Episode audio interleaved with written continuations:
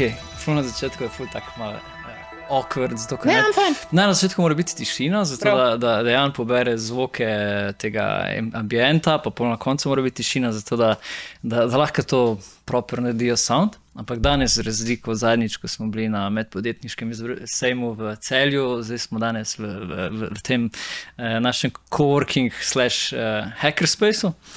Uh, tako da je malo mal bolj soft. Um, jaz večino teh uh, intro totalno zabluzim, pa govorim neke stvari, ki sploh niso Super, relevantne. super, Um, ampak ja, zdaj, ko se je jingle iztekel, ponovadi sledi to, da predstavim gostjo. Tako da danes je z mano Maja Voje. Zdravo. Živijo, to hvala za povabilo. Dve leti sem čakala na to. Um, zdaj, um, jaz sem uh, čakal, imam rekel, dve leti, da zdaj je bil čas preveriti, da prideš v, v, v ogrodje. Uh, ampak ja, um, veliko teh naših idej mora nekako dozoreti, mora priti do točke, ko pač smo vsi nekako za to akcijo. In uh, zdaj sem spremljal, da si tudi svojo knjigo pisala, in zdaj si tik pred tem, da svojo knjigo tudi izdaš. 33 dni.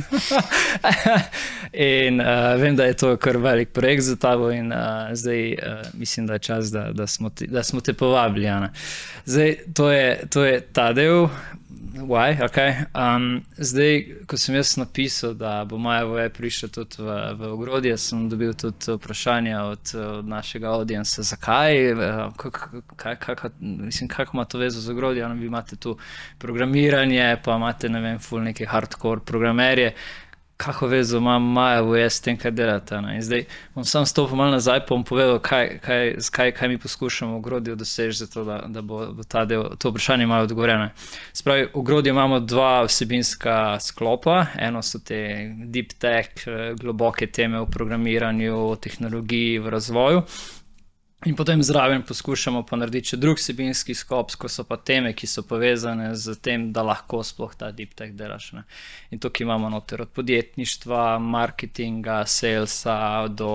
do stanja v Sloveniji, do, do dizajna, UX-a in podobnega.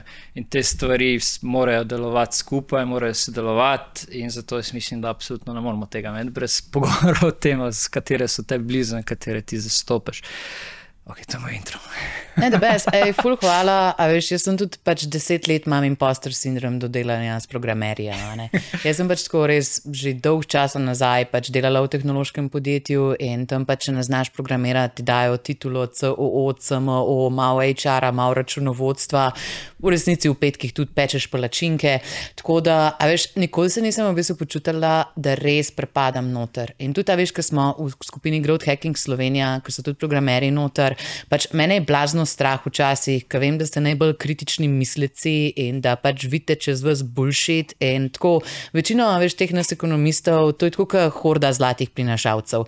To je pač tako, nekaj vidimo, se navdušimo, idemo, pač tako ni panike. In tako v resnici jaz vidim en takšen full dober presek, no, če mi sodelujemo. Zaradi tega, ker sem tudi zdaj, a veš, za knjigo za Go-to-Market Strategies delala ogromen raziskav in, naprimer, marketingaši te knjige sploh niso razumeli, večinoma.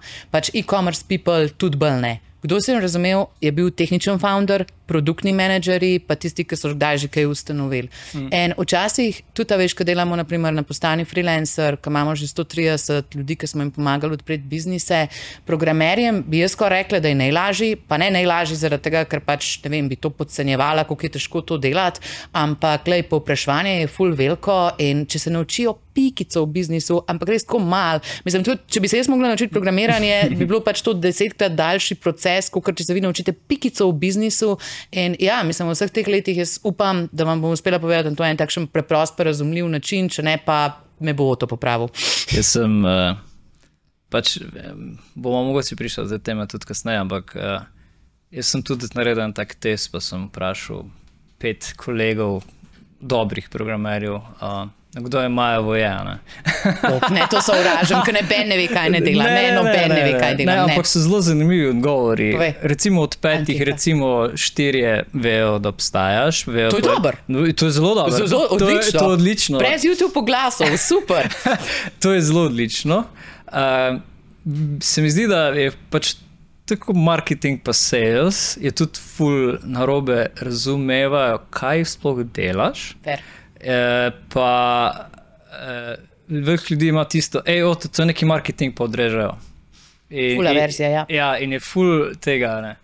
Zdaj, lahko rečemo isto, gremo isto nazaj, ko si ti, ko si, ko si začela. Pač, um, načeloma so programerji ali pa, pa ljudje, ki delajo s, s to tehnologijo, so neki osnovi reš, rešujejo probleme. Uh, zelo različen spektr problemov. Um, večini primerov, potem, ko pridemo do dejansko same izvedbe, gremo na to, da pač so ljudje sami, ko rešujejo. Medtem ko pri marketingu, salesu, pa mislim, da moraš predvsem delati z veliko z ljudmi, pa veliko uh, moraš tega human toucha imeti. In to niso vedno isti ljudje, ki, ki imajo iste trajte, ki jih zanimajo iste stvari.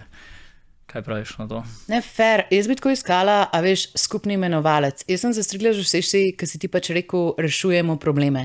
Ker mi v marketingu pa prodaji tudi mislimo, da rešujemo probleme. Ja. Ampak fora je v tem, da mogoče izhajamo iz druge prizme. In tukaj jaz, a veš, kaj delam, mislim, prek švicarskega podjetniškega sklada s tehničnimi founderji pač po vseh balkanskih državah, zato ker država Švica to sponzorira, hvala Švica. Um, je fora samo v tem, da mi tukaj imamo izjemen tehničen talent. In pa se vprašaš, čisto pragmatično, a bo naslednji samorok, ki bo prišel iz Slovenije, pač tako ne vem, nek dropshipper, pač tako neka taka wannabe mm -hmm. kitajska štacuna. Pač ne, ne bo.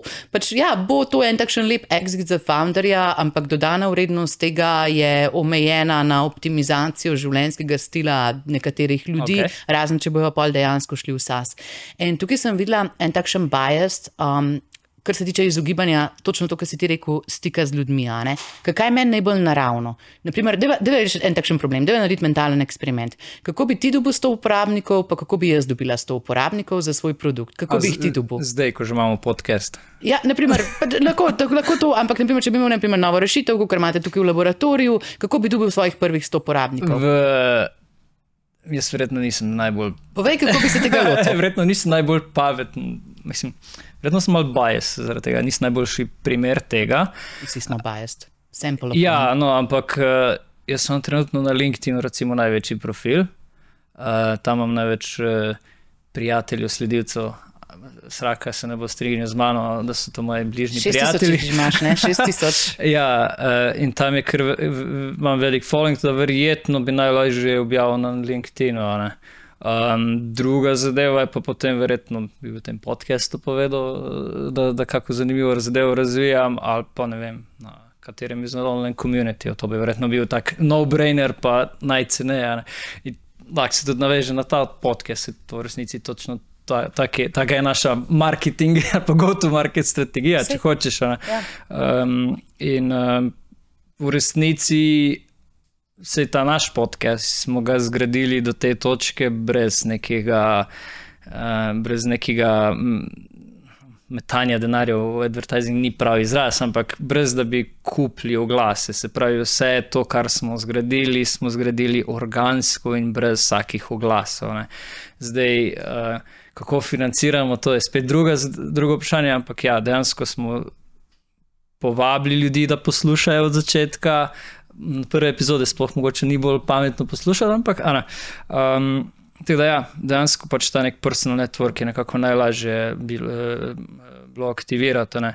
Um, zdaj, mi smo tudi v neki točki, če se nazaj navežem na to, kaj mi delamo, uh, smo mi tudi ugotovili, da nas ne zanima, da bi ta podcast postal, pač, vem, da bi milijoni ljudi ga, ga poslušali, ampak ve- zavedamo se nekega, koliko je ta maksimalna velikost, ki jo lahko v tem prostoru dosežemo, in pač smo to nekako rekli, to je naša strategija, je, da bomo prisotni v tem slovenskem nekem tehnološkem prostoru, pa da bomo tudi notri poskušali največ ustvariti. Ne.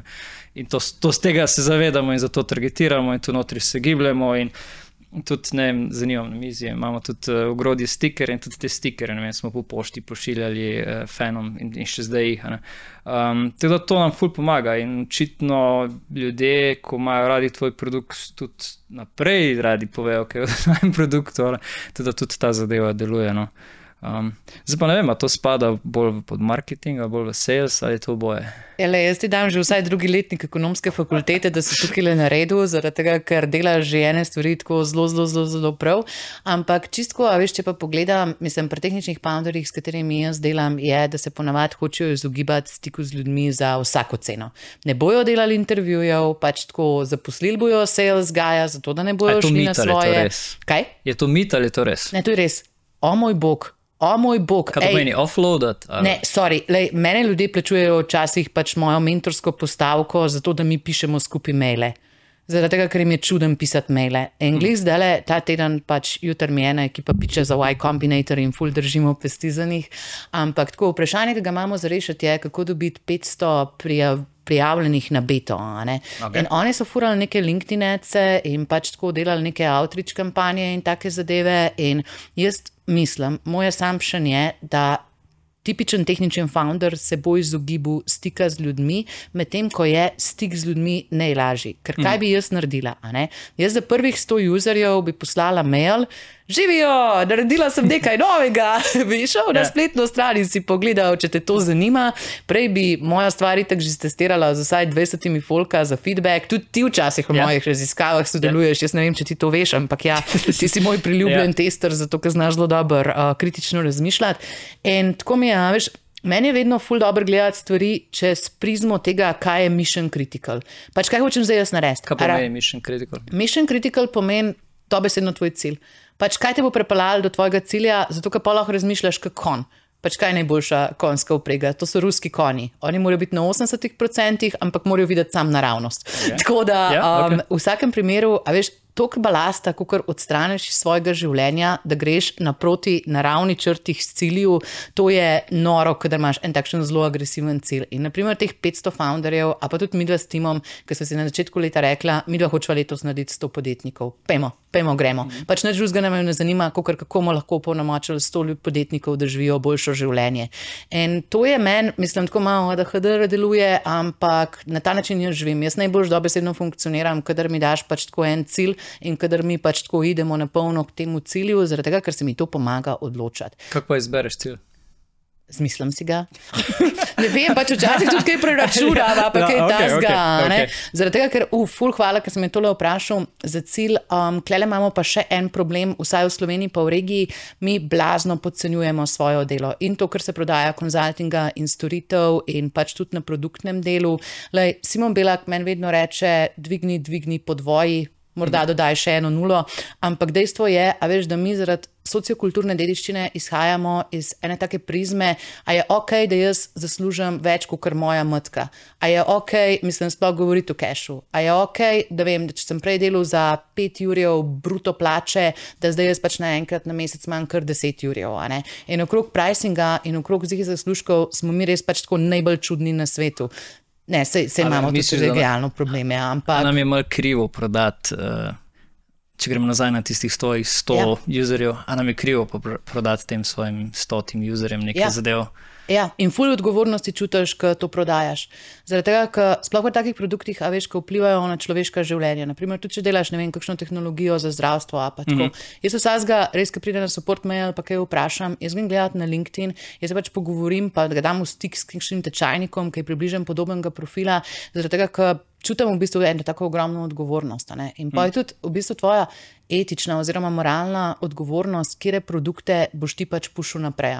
Tudi verjetno za svoj podcast točno veš, da ti si pač vzel podjetje, s katerimi ti dobro delaš, pa ti verjameš. A bi ti pustil, ne vem, pa zdaj ne bom imenovala nobenega podjetja, bom yeah. Imenovala svojega Growth-Lebu, da si sponzorira svoj podcast, da bi to. tukaj imel tako pač Mission Critical, GTM Strategies, pa da bi imel ti to majčko, Mission Mislim, Critical. To, je, to, to se nam pojavi, pojavljajo se nam zdaj zanimivi problemi, Ana, ja. ker uh, so podjetja, ki, s katerimi si želiš nekako uh mhm. -huh. se povezati, pa jih prosiš, pa, pa to pol pa imaš kako podjetje, ko si rekel, oh, fuck, kako naj napišem mail, tako prijazno odslovim. A pa si slišal zgodbe, a ne? Mislim, da ja. to ljudi, ki jim zaupaš. Ja, in ni tako hudo enostavno. Mislim, ne, pač, zato, ko si dvignila knjigo, to ja. bo zdaj for, zavedno on the internet.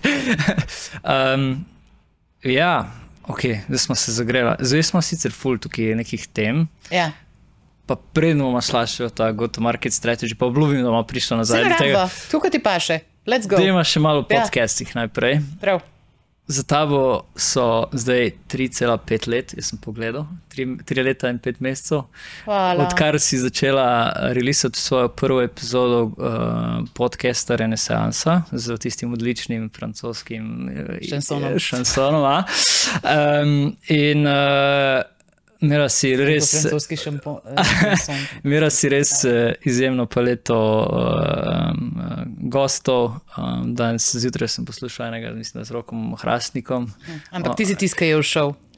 Ti si tiskaj mi je všel na O, dopust. eh, no, lej, um, no, hočem povedati, da, da, da, da sem poslušal nekaj par, da, da si zelo pomembno prispevalo v bistvu ta marketing, sales, eh, prostor, tudi širše. Um, in pač ogromno frekvenco imaš, bistveno večjo frekvenco imaš, ko, smo, ko imamo recimo mi pri, ko smo. Ko je, Ko imaš, bom še govoril o sedanjosti, no? kot imamo uh, pri ogrodju, um, res čestitke za, za, za ta dosežek.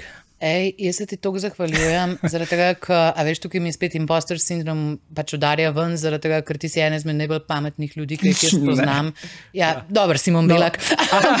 V redu, ok, ok, ok. okay. Ne, ampak tako, a veš, veš kako meni pomeni, da smo mi naredili pač tako eno tako stvar, ki je poslušljiva tudi pač ljudem, ki niso glih pač štiri leta ne ekonomsko hodili in jim ni tako marketing, žurka, let's go, ampak da smo lahko mečken, mečken, mečken premustili silose. In to poskušamo delati, mislim, v skupini Growth Hacking, zaradi tega, ker res, res ful verjamemo v sodelovanje, ful verjamemo v kritično mišljenje in o to, če bi ti jaz povedala, koliko epizod jaz nisem objavila, A bi res? bil presenečen. Meni so gostje prišli brat. Oh, okay. Prišli so tam in, a veš, mislim, to je tako, kot da bi jaz pač tako vzela tole, pa začela. Pač tako, represent the market share, Oh. make the competitor bubbles different in size according to their market share.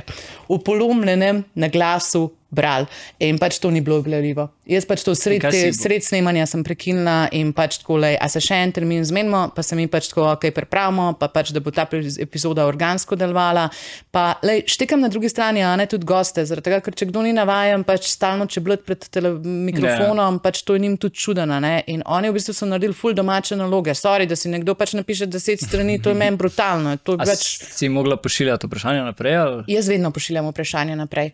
O, Zaradi tega, ker sem večino, večino, večino delala z ljudmi, ki niso tako medijsko trenirani, a veš, in da tam dobiš pač nekoga, ki je prvič za mikrofonom. Pa sploh um, pri mladih ženskah sem ugotovila, da je stopna priprave, ki jo naredijo, tok, tok, tok, tok, tok večja. Ja. Pa sej, lej, ne moreš tega po spolih normalno poslušati. Ja, razumem, ampak ja, A si, si, si vedno snemala preko weba ali si snemala tudi da je živo? Klemen Selakovič. Hvala, ker si mi posodil studio. Ampak um, ne veš kaj, jaz v živo, mislim, imam rada ljudi, Ja. ful jih imam rada, ampak le naprimer to, da mi da danes snemava, ne, to je te verjetno šlo pol dneva. Uh, no, Imaš minus. ekipo. Ja, Imaš dobro tukaj je ekipo. Zelo dobra ekipa je. Pa Okej. Bomo, koliko je dela, je tema za potem, ampak ja, ok. Ja. Ogromno dela je. Ja. Ogromen dela je pa postprodukcija, pa take zadeve. Jaz svoj podcast v slovenščini, ki sem ga imela, sem mogla reducirati v dve uri na teden, zaradi tega, ker karkoli mi je imel prevelik oportunitetni strošek. Jaz imam še vedno pač tako omejeno število ur Ja. na dan, se sem energična oseba, pa pač tako itak full delam. Ja. Ampak vseeno, jaz nisem videla, pa ne iz vidika roja, ampak iz vidika impakta, da če jaz to dam noter, da bo pol tok bistveno boljš. Ker, naprimer, moja metrika je vedno število pogledov. Aha. število pogledov na minuto v podkastu, število pogledov vem, na stran v knjigi. Pač tako, a pridemo iz tega podcasta, iz tega, kar zdaj zdaj naredimo, mečem boljši, kot smo prišli noter. A smo se kaj naučili? Pa tudi, če se ne strinjamo, mm. ni panike, zaradi tega, ker če imaš mnenje, se verjetno ne Ja, bomo ja. strinjali. Ampak ja, to mi je bila ena taka stvar, proti katerim sem optimizirala. In ne, glede snemanja v živo, lej, sem probala. Ni glih moj špil in zdaj tudi pač angliški podcast, ki sem lansirala na mestu slovenskega, mi v bistvu full paše, ker na Riversideu vse snemam. Ja. Pa tako mečkam, no razen ti, ki si mi všel, malo se mi zdi, da se bi tudi bal, da bor gostov počasi začel ožati, ne, a pa se pač Ja. tako jaz začela starati tam ne. Tako da ne, naredili smo, jaz ne vem, 130 epizod, nekaj tasga. Odlično. Ne, lej, sej, sam, da si jih naredil več kot 20, pa si v top 1% podcasterjev na svetu, ki večino jih po eni epizodi pač tako obupa. A, te lahko eh, čisto na začetek, preden pa te vprašam, Ja. zakaj si začutila, da, da bi posnela svojo prvo epizodo? Ker je bila karantena, pa nam je bilo dolg čas. A, ok. Nek, zakaj si pa ti? Ajde, zakaj si pa ti? Oh, Ker ti si pa hvala. bolj namenski. Hvala. Ja, v bistvu, um, pri nas je zgodba začela tako, da um, jaz sem predelal za eno angliško firmo, ne, šest let nekje. In potem sem zaključil sodelovanje z njimi, in potem sem bil v neki fazi, ko sem iskal neke nove izzive, neke priložnosti. Potem smo se z, z kolegi iz, tudi iz tega lepega coworkinga, kjer si danes Zelo lep coworking. A imate že kakšno prosto mesto? Ne, se polno.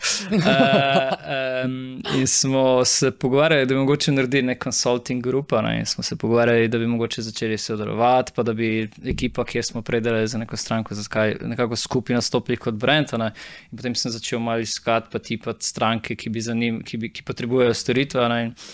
zelo hitro sem v bistvu ugotovil, da ne znam čist ričati tak profil stranke, ki, s katerimi si mi z- bi želeli se ukvarjati. Povej malo hočeš. več o tem. Ja, recimo, začel sem iskati znotraj tega svojega networka in pol dobiš zelo take.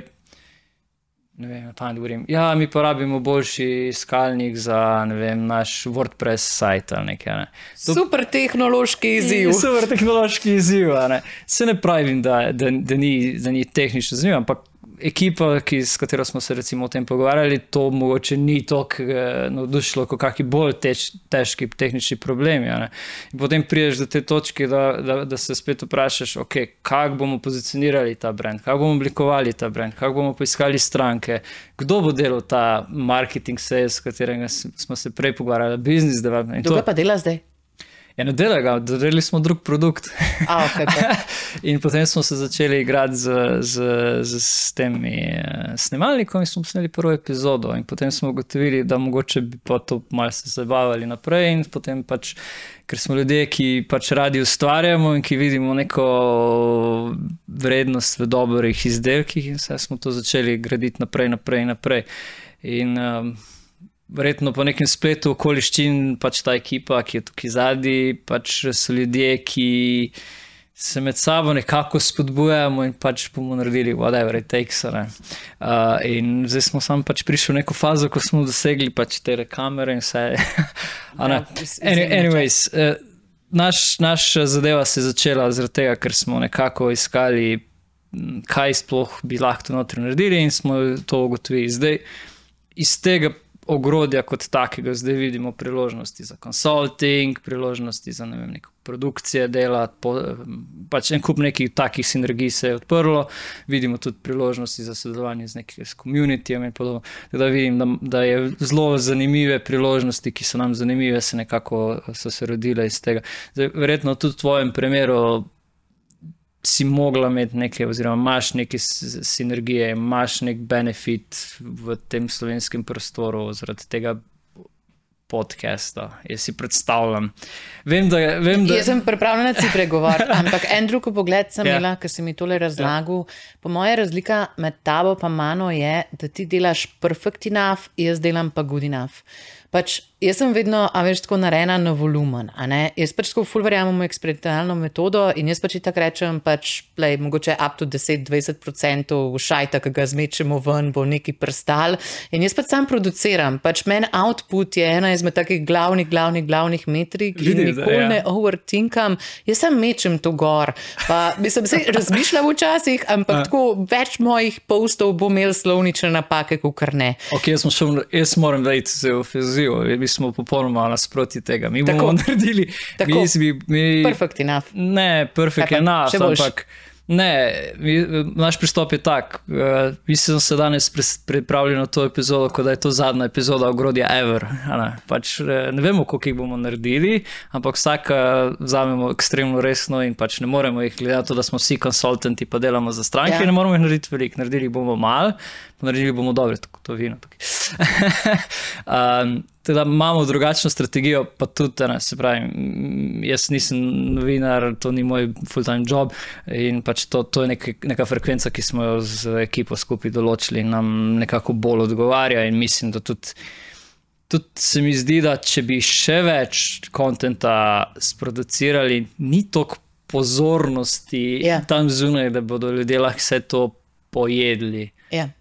A ima to smisel? Totalen smisel ima, totalen smisel ima, pa Ja. yeah. nazaj, a veš, se lahko navezujeva tudi na komu ti serviraš. ne? Ja. Ker, naprimer, lej, večino teh ljudi, mislim, so jim rekla na Instagramu in to, Ja. yeah. to ni glih tako ful, mislim, Darwin, kritični mislec, pač to ni glih to. To pač nekaj daš gor in poje, oh, kako pa danes dobro zgledaš. Ja. Ja. Pač tako mečken drug audience je. In ja, razumemo, veš, da tvoj audience, da ima više kriterije. Jaz tudi, naprimer, vem, delam ja. zdaj, a veš, ne vem, z Benom Williamsom iz Snika, pa pač s Prodeklet, s Bosom, ja. z Vesom Bushom, se tudi bolj potrudim, pa se Ja. mi tudi trese Ja, ja, glas, ko govorim Ja, intre. Okay. Ampak tako, le, mislim, to ima zadela za lokalno okolje, sem si ga pa jaz tako totalno na izi vzela, mm. zaradi tega, ker mene to mogel biti v zabavo. To je bil primarna agenda. Mm. In tukaj le, le jaz ful spoštujem, kaj si ti naredil. Jaz ne bi bila zmožna naredili? takšnega, a, prosti, kaj si ti z ekipo naredil. Ja. Tako. Ne, govorim samo za eno Ja, osebo, pa razumem, me je ja. to malo okay. zaneslo, se upravičujem. Da. Ampak um, tako, a veš, jaz ne vem, če bi bila pripravljena toliko volje, pa toliko discipline dati noter v en takšen projekt. Meni je to tako. Ja. Nevideno, zaradi tega, ker le, zdaj ti čisto odkrito povedala, ROI v slovenskega podcasta, ki sem jih jaz imela. Jaz sem imela mogoče za ene 20k sponzorstv, ne vem če, bolj bi rekla 15. Ja. Tako da to je bila ena taka stvar. Jaz sem več v bistvu naredila za folk, ki so bili moji gostje, ki Ja. ja. vem, kakšne biznise so zaprli iz tega. Pa, Ja. tako da, jaz sem to vedno videla v bistvu bolj tako platformo, kjer daš eno osebo, ki ultimativno ni znana, je pa dobra. Razen roka Hrastnika, ki je znan in dober. Ampak tako, veš, jaz sem vedno to videla kot odskočno desko za kariero nekoga. In če sem jaz lahko komu pomagala, pač ne vem, zapreti biznis, ne vem, za 10-20k, če pač iz tega dobi kakšne nove stranke, Mhm. to je bilo meni top, to je bilo meni amazing, pa pač, da se pogovarjaš z eno novo generacijo ljudi, ki mislim, jaz mislim, da največ, kar sem dobila od podcasta, je talent, mm. novi člani skupnosti, zaradi tega, ker mi oba dva imava skupnosti na Facebooku mm. in mlada generacija ne želi biti na Facebooku in mnogo kateri uporabljajo Facebook samo zaradi naših skupin, tudi to sva verjetno že slišala, a ne? Ja. Ampak, ja, tako dodano vrednost, lej, ne vem, zakaj sem pa v bistvu nehala to delati, pa je zaradi tega, ker sem hotela impact pač širiti čez angliški jezik in ki mi nekako, veš, po treh letih pa pol to ni bil več tudi izziv. Lahko bi šla pro. Like Otto in the team, ali pa se lahko več, ali pa pač to. Ne. Ampak ne, mislim, tudi za knjigo, jaz sem pisala v angleščini. Zakaj? Tega, ker lej, če jaz imam tukaj v slovenščini, jaz imam naslovljiv trg 2 milijona ljudi in se imam ful rada svoj jezik, ful imam rada svoj folk, vedno bom pomagala, vedno bom za ston mentorirala, vedno bom komunitije mm. delala. Sam mi je pa že tako malo selfish, a veš, da če narediš tok raziskave, pa če produciraš tako raven znanja, kot sem ga jaz v bistvu v zadnjem letu, ko sem res bila doma, pač rekla tisočim stvarem ne in pač pisala in naredila 50 intervjujev in buildala science, da bi to šel pač pol pozicionirati tam zraven biografije, ne vem, pač Franca Jožefa, da koga drugega ne imenujem. Um, ful so nama omili količino vina, ampak ok, bomo začela s tem. Taki so. Hoče, da, hoče, da smo normalno. Časov normalno. Um, ne vem, enkrat eh, vem, da ko smo bili bolj na začetku našega podcasta, mi smo se pogovarjali, mislim, da v Ljubljana teko, ali kje. Um, in mislim, da si takrat uh, je bilo neko tako, ono, duet o to. Ja, jaz sem vedno duet, jaz sem vedno duet, pač vse ostalo je overthinking. Duet, pa, pa si mi dala neki ful takih uh, iz svojih direkt izkušenj, eh, pač številke in vse. In tudi zdaj na koncu, ko si zaključila um, to zgodbo, si tudi številke objavila. Ja. Um, tam mislim, da je bilo najboljša tvoja epizoda, imela 4100 nekje poslušanj. Ja. Um, na, pod, na podcastih sistema, plus verjetno je še kaj več, ker to so sami iz, iz ene platforme številke, ampak to je zelo lepa številka v tem marketu za, za, za tak podcast. Da. Čestitke za to. Hvala, enako. Tudi vi ste pogosto na lestvici najboljših podkastov. Ja, um, a, a si padla kdaj v to past, da si releasala, pa si potem gledala te številke? Pa... Ker V tudi, bistvu tudi sem- ostalo del, pa ki se bomo pol pogovarjali, Ja. te metrike, Ja. analitika, statistika. A veš, se mi zdi, da v prvih parih urah že kar vidiš, ali bo neka zadeva letela, ali ne bo letela. Ali, Ja, ali, ali si sam rekla, ne bom gledala tega, ni važno, važno je. input, output matrix. Ja. Pač to je meni ful pomembna stvar. Tudi naprimer, na LinkedIn, ko se pogovarjamo, a veš, pa mi pol tam folk joče pač na, tam na zasebnih sporočilih, o, zakaj pa ta post, ki je tako dober, zakaj ima pa samo 200 dosega, pa kakšne take zadeve. Ja. In jaz se vedno spomnim nazaj na njihov posloven model. In pač tako malo ironično povest o tem, kako se zasluži 10 jurjev na mesec. A te Ja. zanima? Ja. Lahko imaš dve stranki, ki ti plačujeta 5 jurjev, lahko imaš pa 100 strank, ki ti plačujejo 100 evriča. Tako da zdaj pa vprašanje, ker game hočeš iti igrati, a? A hočeš imeti pač tako low price, pa pač tako full volumna in boš prišel na isto cifro, a boš pač tako poskrbel za to, da tvoje sporočilo pride do dveh tistih ljudi, ki jih pač morate slišati. In jaz pač, a veš, tukaj. Ko delamo demand generation, to mi se reče generiranje povpraševanja, mi v bistvu pridemo prej v prednakupno fazo, preden nas je nekdo kontaktiral, da nekaj rabi. Ne? Mi njega v bistvu na nek način izobražujemo oziroma formiramo, zdaj ne bom rekla. Programiramo, zato da je pač dovzeten na naša sporočila. In klele je meni vedno, a veš, ključno vprašanje iz vidika prvih principov, kero igro hočeš igrati. Zaradi tega, ker če hočeš, lej, sorry, dve nove stranke dobiti, ne rabiš ti vsak dan delati LinkedIn postov in objavljati podcasta in se tam na glavo metati na Twitterju. Ne rabiš. Rabiš iti pač tam na nek dogodek, ne vem, spletni trgovci, a pa združeni menedžer, pa pač povedati, jaz programiram in pol pač ti uri nazaj rečejo, oh, tudi mi bi prenovili spletno štacuno. Se pač malo bolj analiziram, ja. ampak tako pač biznis poteka. A pa pač, ne vem, si prijatelj z Ototom, a pa z mano, a pa ne vem, tam le z Juretom Čuhalovim, pa pač tako pokažeš, da znaš delati. In itak pač mi dobimo po par povpraševanj na dan in skozi nas folk sprašuje, pač, a poznaš koga, ta slovenska igrica priljubljena. In itak mislim, sam, da si v bližini epicentrov, boš dobil biznis iz tega. Tako da, kva ti hočem povedati s tem, ja, itak prideš v to pas, da osvežuješ, pač če so komentarji in kakšen je doseg, ampak pa se udariš po prstih, pa rečeš, ne, Maja, šit, to so vanity metrics. To so pač tako metrike, ki v bistvu v tvojem biznisu nimajo nobenega končnega rezultata. Ja, se zveni super na papirju, sam lej, če bi jaz hotela narediti viralno epizodo, bi se zjokala z eno influencerko, ki ima 30k followerjev. Mm. A to hočem jaz delati? Mm. Tako, a res hočem jaz to delati? A je to pač tako, mislim, inteligenca, folka in pač tako intelektualen domet, ki ga jaz lahko dosežem? Lej, sorry, a pa če gremo v reality show? Da. A bi ti šel? Reality show. Na kjer ga bi šel? Ajde, na kjer ga bi šel. Ne gledam reality show. to Ok, si pa ne poznaš scene. To je moj audience, dvomim, da gleda reality show. Ne, kaj pa ti, ajde, ki si bolj data driven, pa si delal ful za analitiko. Mislim, kako se pa ti počutiš do številk?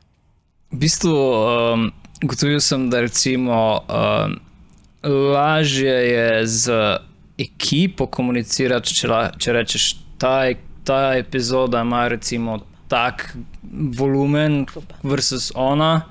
To je že ful boljše in v bistvu na nek način lahko ljudem poveš. a ne. feedback loop. Um, če priješ do točke, ko se pogovarjaš, da zdaj bomo rabili nove mikrofone, pa rabimo vem, novega podpornika, je tudi precej lažje, če imaš neke številke, da z, z njimi operiraš, koliko je dosega. Um, pa tudi na splošno, da vidiš, ali ta produkt raste ali ne raste, stagnira, to je tudi precej pomembno. ne. Um, tako da je pa neka pas, ko sem se že tudi sam obudil, da začneš gledati te številke in isto, kot ti praviš. Pač mi bi tudi mogoče lahko imeli neke bolj. Vem, drugačne teme, pa bi šli, recimo, ful, ne vem, karkoli zdaj. Kako bolj- lahko programer zasluži 10k na mesec? Pa daš v slovenske developerje, pa imaš 5000 viewjev. Ja, pa ne.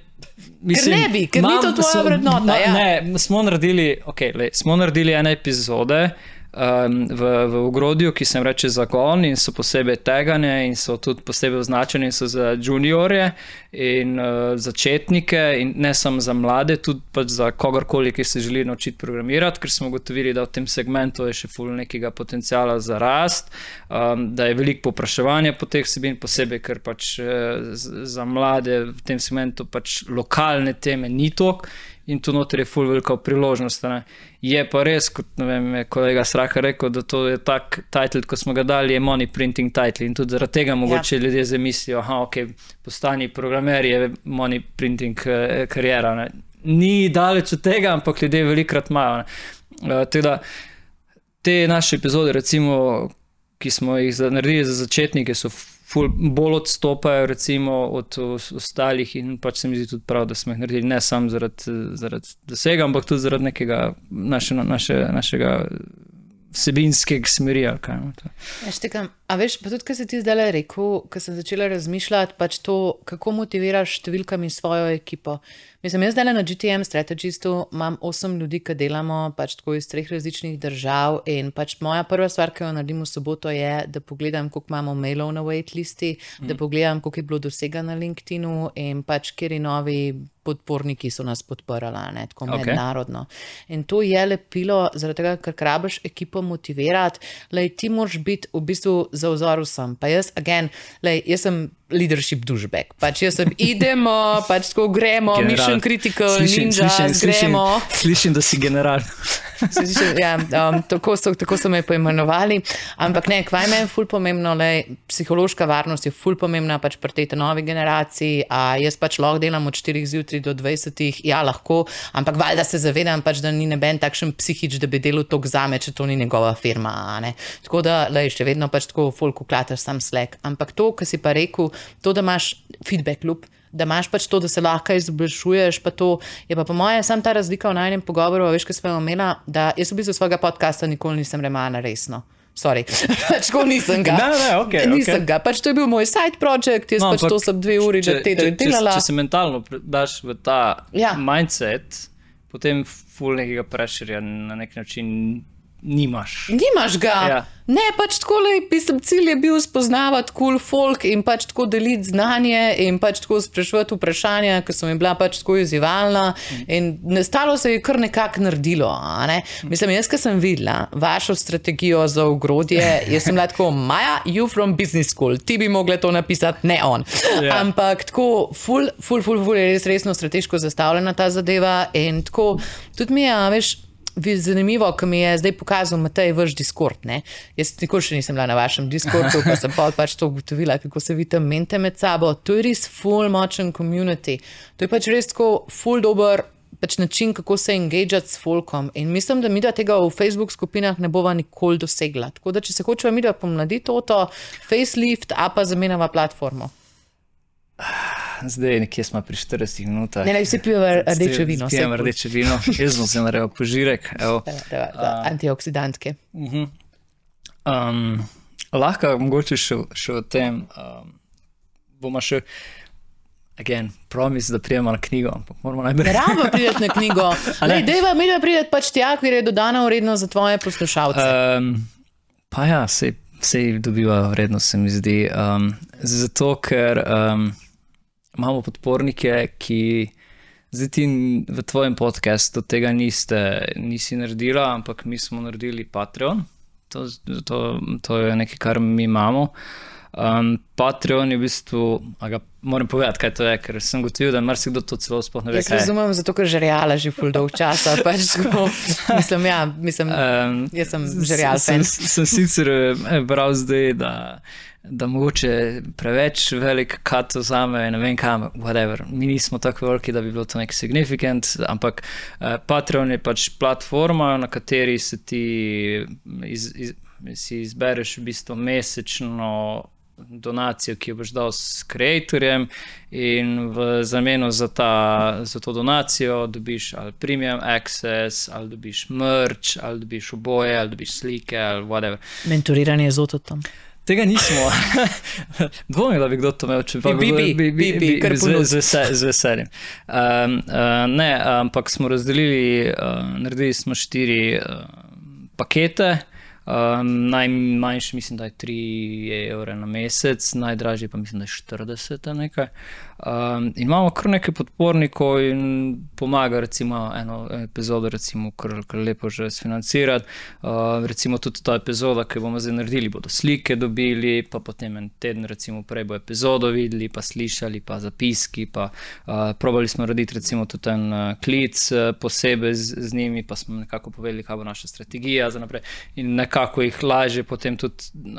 In, in sem zelo vesel in zelo pač ni bilo intuitivno, da bi to sploh naredili, ampak zdaj se je izkazalo kot zelo dobrodošla pomoč in, in nam dejansko ful pomagajo. Teda hvala vsem Patreonom za, za to. Pa, um, ja, ti pa verjetno si sama to financirala, kaj se je. Le, v to agen, meni je to kusen. Pač tako, jaz, jaz, ne, ne, ne, pač tako, ti misliš, da imaš tako neko strategijo, pa nek takšen plan, v resnici pa če sem tako nekaj delam, ja. ker mi je pač tako zanimivo delati. In pač po moje, veš, pri meni, najbolj smešna stvar, ker pač jaz grem pač s komorkoli na klic, To je v 90% primerov, mi ne piše nazaj, kakšna super energija. In jaz sem rekel, what the fuck je energija, pač tako, kaj zdaj pomeni, da mi jaz neke kristale polagala na te, pač tako, do not cringe mi, pač nisem žarenca, v redu je. In pa sem pač ugotovila, da energija, po moje, pomeni neka strast do biznisa. To, da pač mogoče večkrat bolj pač čutim določene stvari, določeno pač vznemirjenje do tega, da jaz delam biznis. In isto, a veš, tako, meni je to vse igra. Meni je pač tako, da am lahko prodala danes še za tri ure tečaja, am lahko dobila 500 teh podpornikov, a se bo lahko to naredil. To, to so meni zdaj, ker so me zabavne, zaradi tega, ker pač sem tako tako ja, važna oseba, da pač pol grem in se zakadim v ta cilj in najdem pač način, kako bom to naredila. A to pa še vsem faknov. Ampak tisti ljudje, naprimer, ki so bili malčkam več v športu, pa tisti ljudje, ki se ja. naprimer tako malo zanimajo za vojsko ali pa kakšne take ja. paradiscipline, um, pa to zelo, zelo, zelo, zelo pritegne. Zakaj? Zaradi tega, ker mislim, da smo kot družba, a več tudi zapadali v eno tako melanholijo, da se nič ne da. Mojem svetu se pa vse da. Pač, ko lej, bi se nekaj se spomniš in pač, lej, lej, jaz sem hotel rad tvoj prijatelj. Doj sedim tukaj na podkastu. Mislim, a sem ti bila simpatična iz prve, fuck no. Ne, ne, jaz sem najbolj annoying oseba na svetu in po mojem sem ti 14 krat pisala, preden si ti meni odpisal. Jaz bi sam rekel, da nisi mi sam pisala, tudi lepa sporočila. Tako voice, voice message sem pošiljala, ja. Um, moram priznati, da so moji fantje. Um, imeli komentarje na to, zakaj dobivamo tako lepa sporočila. Pač, veš, jaz sem sam rečem, pač to je marketing danes, fantje. Ne, jaz sem samo hotel tvoj no. respekt. Ne, ja. jaz sem hotel tvoj respekt. Ne, tako, jaz tebe spoštujem, a veš iz teh objav, ki jih imaš, pa ne. pač to, kar delaš. In jaz sem samo hotel ena na ena čez tabo. Tako da ta ta game spet ni imel tako nekega endgama. Pač meni je danes full čas, da tukaj sediva, da se pogovarjava, ampak jaz sem se spet pač zagnala, da mi je full, full, full, full, full, full velika čast v življenju. Mislim, da mi je pač pomembno, da mi dva pač navezujeva odnos. Gremo iz tega na komunity malo izpeljati. Oje. Oje. Oje. Communities. Okay. Um, Community. Bom zdaj, fuck, da tale intro naredim zdaj. Uh, ogrodje smo si nekako zmisli tudi iz dveh komponent. Ena je community, druga je, druga je pač ta medij kot tak, ki daje kontent ven.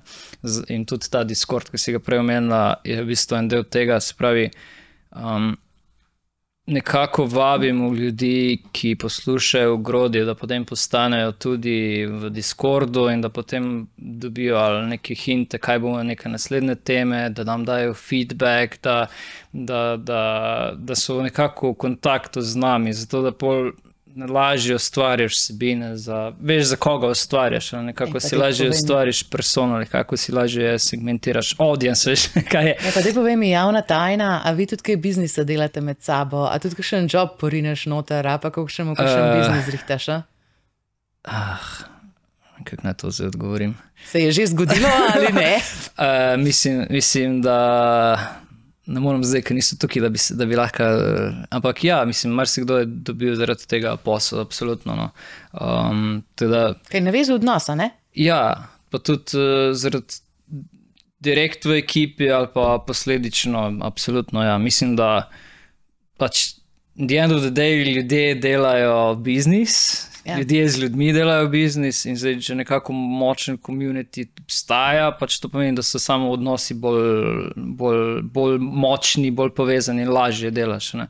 Tako da jaz mislim, da to mogoče sam na poslušalci ne engage s tem komunitim, ne opazi to, ampak absolutno se obstaja zelo močen komunity. Uh, Tudi v preteklem letu, recimo, smo dejansko šli tudi v to, da smo pomagali pri, pri, pri teh meetupih, recimo, pa pri nekih konferencah. To, um, ker pač ali smo že mi predavali tam, ali so dejansko opazili, da ljudje imajo zdaj full dobro meetup, pa nimajo tega marketing mašinerije zraven. Ja, je, valjda, nimajo in, in, in pač smo povabili ljudi, ne, in zdaj smo vem, parkrat poskusili, da smo rekli, ok, to je ta konferenca, uh, mi bomo tam, bomo community sponsor, uh, mi preperemo nekaj ljudi, vi nam pa date, vem, pogovor z gostom in pač smo vsi happy. ne.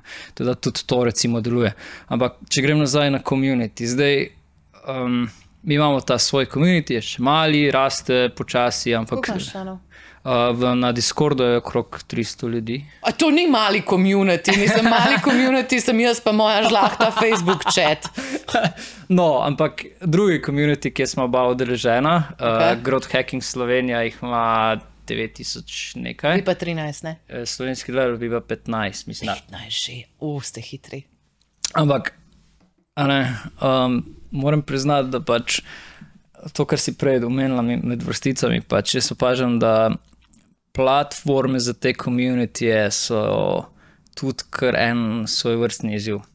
No shit. Noče priti na Facebook, nimajo več Facebooka. Ja. Ja, um, in uh, zdaj, če smo rekli 10 tisoč, ali pa 15, ali koliko, kako so, te številke na Facebooku, ne, zdaj si ljudje mislijo, o, oh, šit, tam je 15 tisoč ljudi, jaz dan gor post za job ali pa za neko event.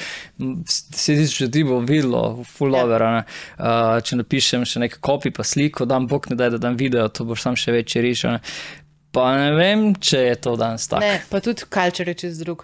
Pa ful hvala, ker si to omenil, zaradi tega, ker jaz tudi imam, mislim, skoraj rajš postani freelancer grupo zdaj le, kot Growth Hacking Slovenija, zaradi tega, ker tam ni nobene intimnosti več. Tam moraš ful paziti, a veš, kaj boš objavil. Pač itak moramo mi bičati s temi pravili skupine, zaradi tega, ker drugače rata anarhija in se to spremeni v boha 3.0. In ful hvala tudi ti, ko občasno kaj prijaviš, no, nam malo olajšaš našo adminsko delo. Ti upam, da dovolj zahvalimo za te zadeve. Ne, zaradi tega, ker enkrat je vedno, to je kot pri pasjem treningu. Dobro, jaz imam pse, ti imaš otroke, tako da lahko ti komentiraš pač skozi druge Sem perspektive. bil v enem pasjem vrtu. tako. Enkrat je vedno, iščejo meje, pač če eno spustiš, pol nimaš več precedenta, da si pravičen. In sorry, mislim, jaz tudi v prošlem času ni mi glih tako full interesu, da bi jaz nekaj polisala, pa se tam ukvarjala z nekimi HR objavami, pa z nekimi promoti, kako kdo prodaja spletno štacuno, ki je AK profitabilna, a prodal bi jo za 4 urje. No, mislim, to pač res ni stvar, ki bi jo jaz rada delala v prostem času. Ja. Medtem pa v teh intimnih komunitih, a veš pa, dej, jaz bi te fur rada vprašala, kaj se tebi zdi lepilo uspešne skupnosti. Kva je point? Uh, jaz mislim, da za vsako rabiš pač, tako v neki organizaciji, rabiš pač mogoče nekoga, ki je mal bolj izpostavljen, pa mal bolj viden, pa mal bolj m, pač je jasen, da je ne vem, da puša nek nov kontent, pa nek generira kontent, dela kontent, ali je pač bolj vidno izpostavljen. Potem pa mislim, da rabiš tudi dejansko nekoga, ki ti bo vsak kontent, ki ni v skladu s temi pravili. Ja, ne. in uh, oboje rabiš. Um, pa tudi, da imaš ljudi, ki. Pa zdaj, tudi ljudi vmes, um, pa mislim, da moraš. Ful, moraš biti dosleden pri teh pravilih. Ja, Kakršna koli pravila. ne, brez popuščanja. Pa, če, če grem na, na slovenski developerji, ne, um, veliko je bilo pobud, ja, pa dajmo spremeniti to pravilo, pa dajmo ono pravilo dodati, pa tretje pravilo dodati. Ne.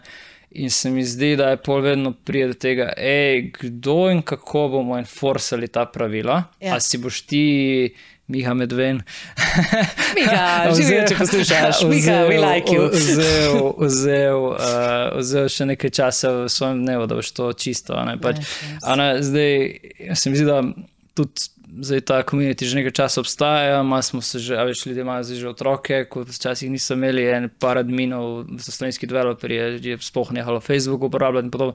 Tako da se malo tudi generacija zamenja. Ne, um, ne vem, um, rabiš kar nek tak uh, miks.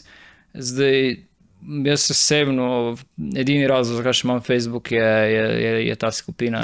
Um, jaz sem bil moja žlahta.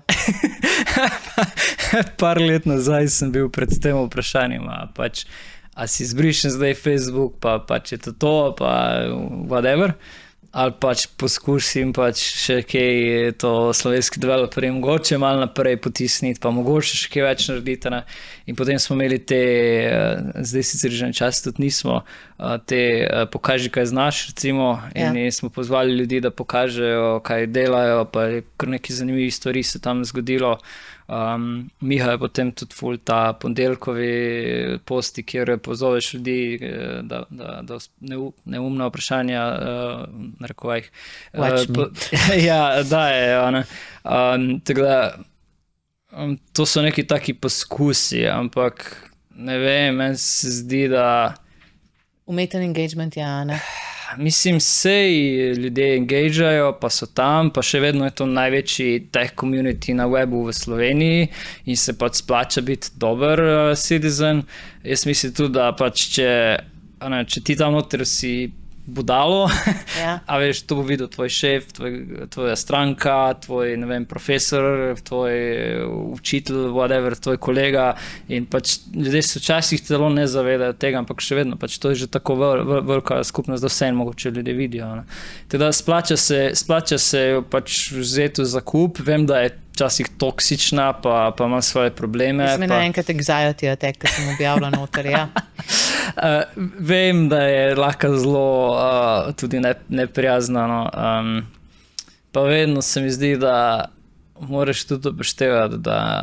Se mi zdi, da veliko ljudi je danes tudi konzumeri teh medijev brez totalnega engagementa. Se pravi, da bodo samo pogledali, pa ne bomo stisnili ja. ne lajka, ne, ne ja. komenta, ne nič. In to je to. Uh, tudi to se dogaja, se mi zdi. Da ljudje bodo videli, ni pa nujno, da še ja. vedo, da so videli. Ja. Ne, meni je tako redo, da se o tem pogovarjava. Veš, zato, jaz imam tako eno tako hipotezo, kot da vsaka skupnost pride čez tri različne faze, razvojne faze. Na začetku si tak ti in pač tako tvoj uphill battle. Pač ko teliš skalo po hribu na vzgor ja. in pač pol tam prošiš prijatelje, če bojo pač tam neki engageali s tabo in ne. pač ti moraš biti dobesed do hrbtenica in vse. Pa kaj si pač zdaj že to kritično maso dodane vrednosti, se folk nekako klop in začne razvijati ta občutek intimnosti. Naprimer, tako, se mi da pogovarjava, se na drug način pogovarjava, kot se mi dva v teh velikih grupah pogovarjava. Mm.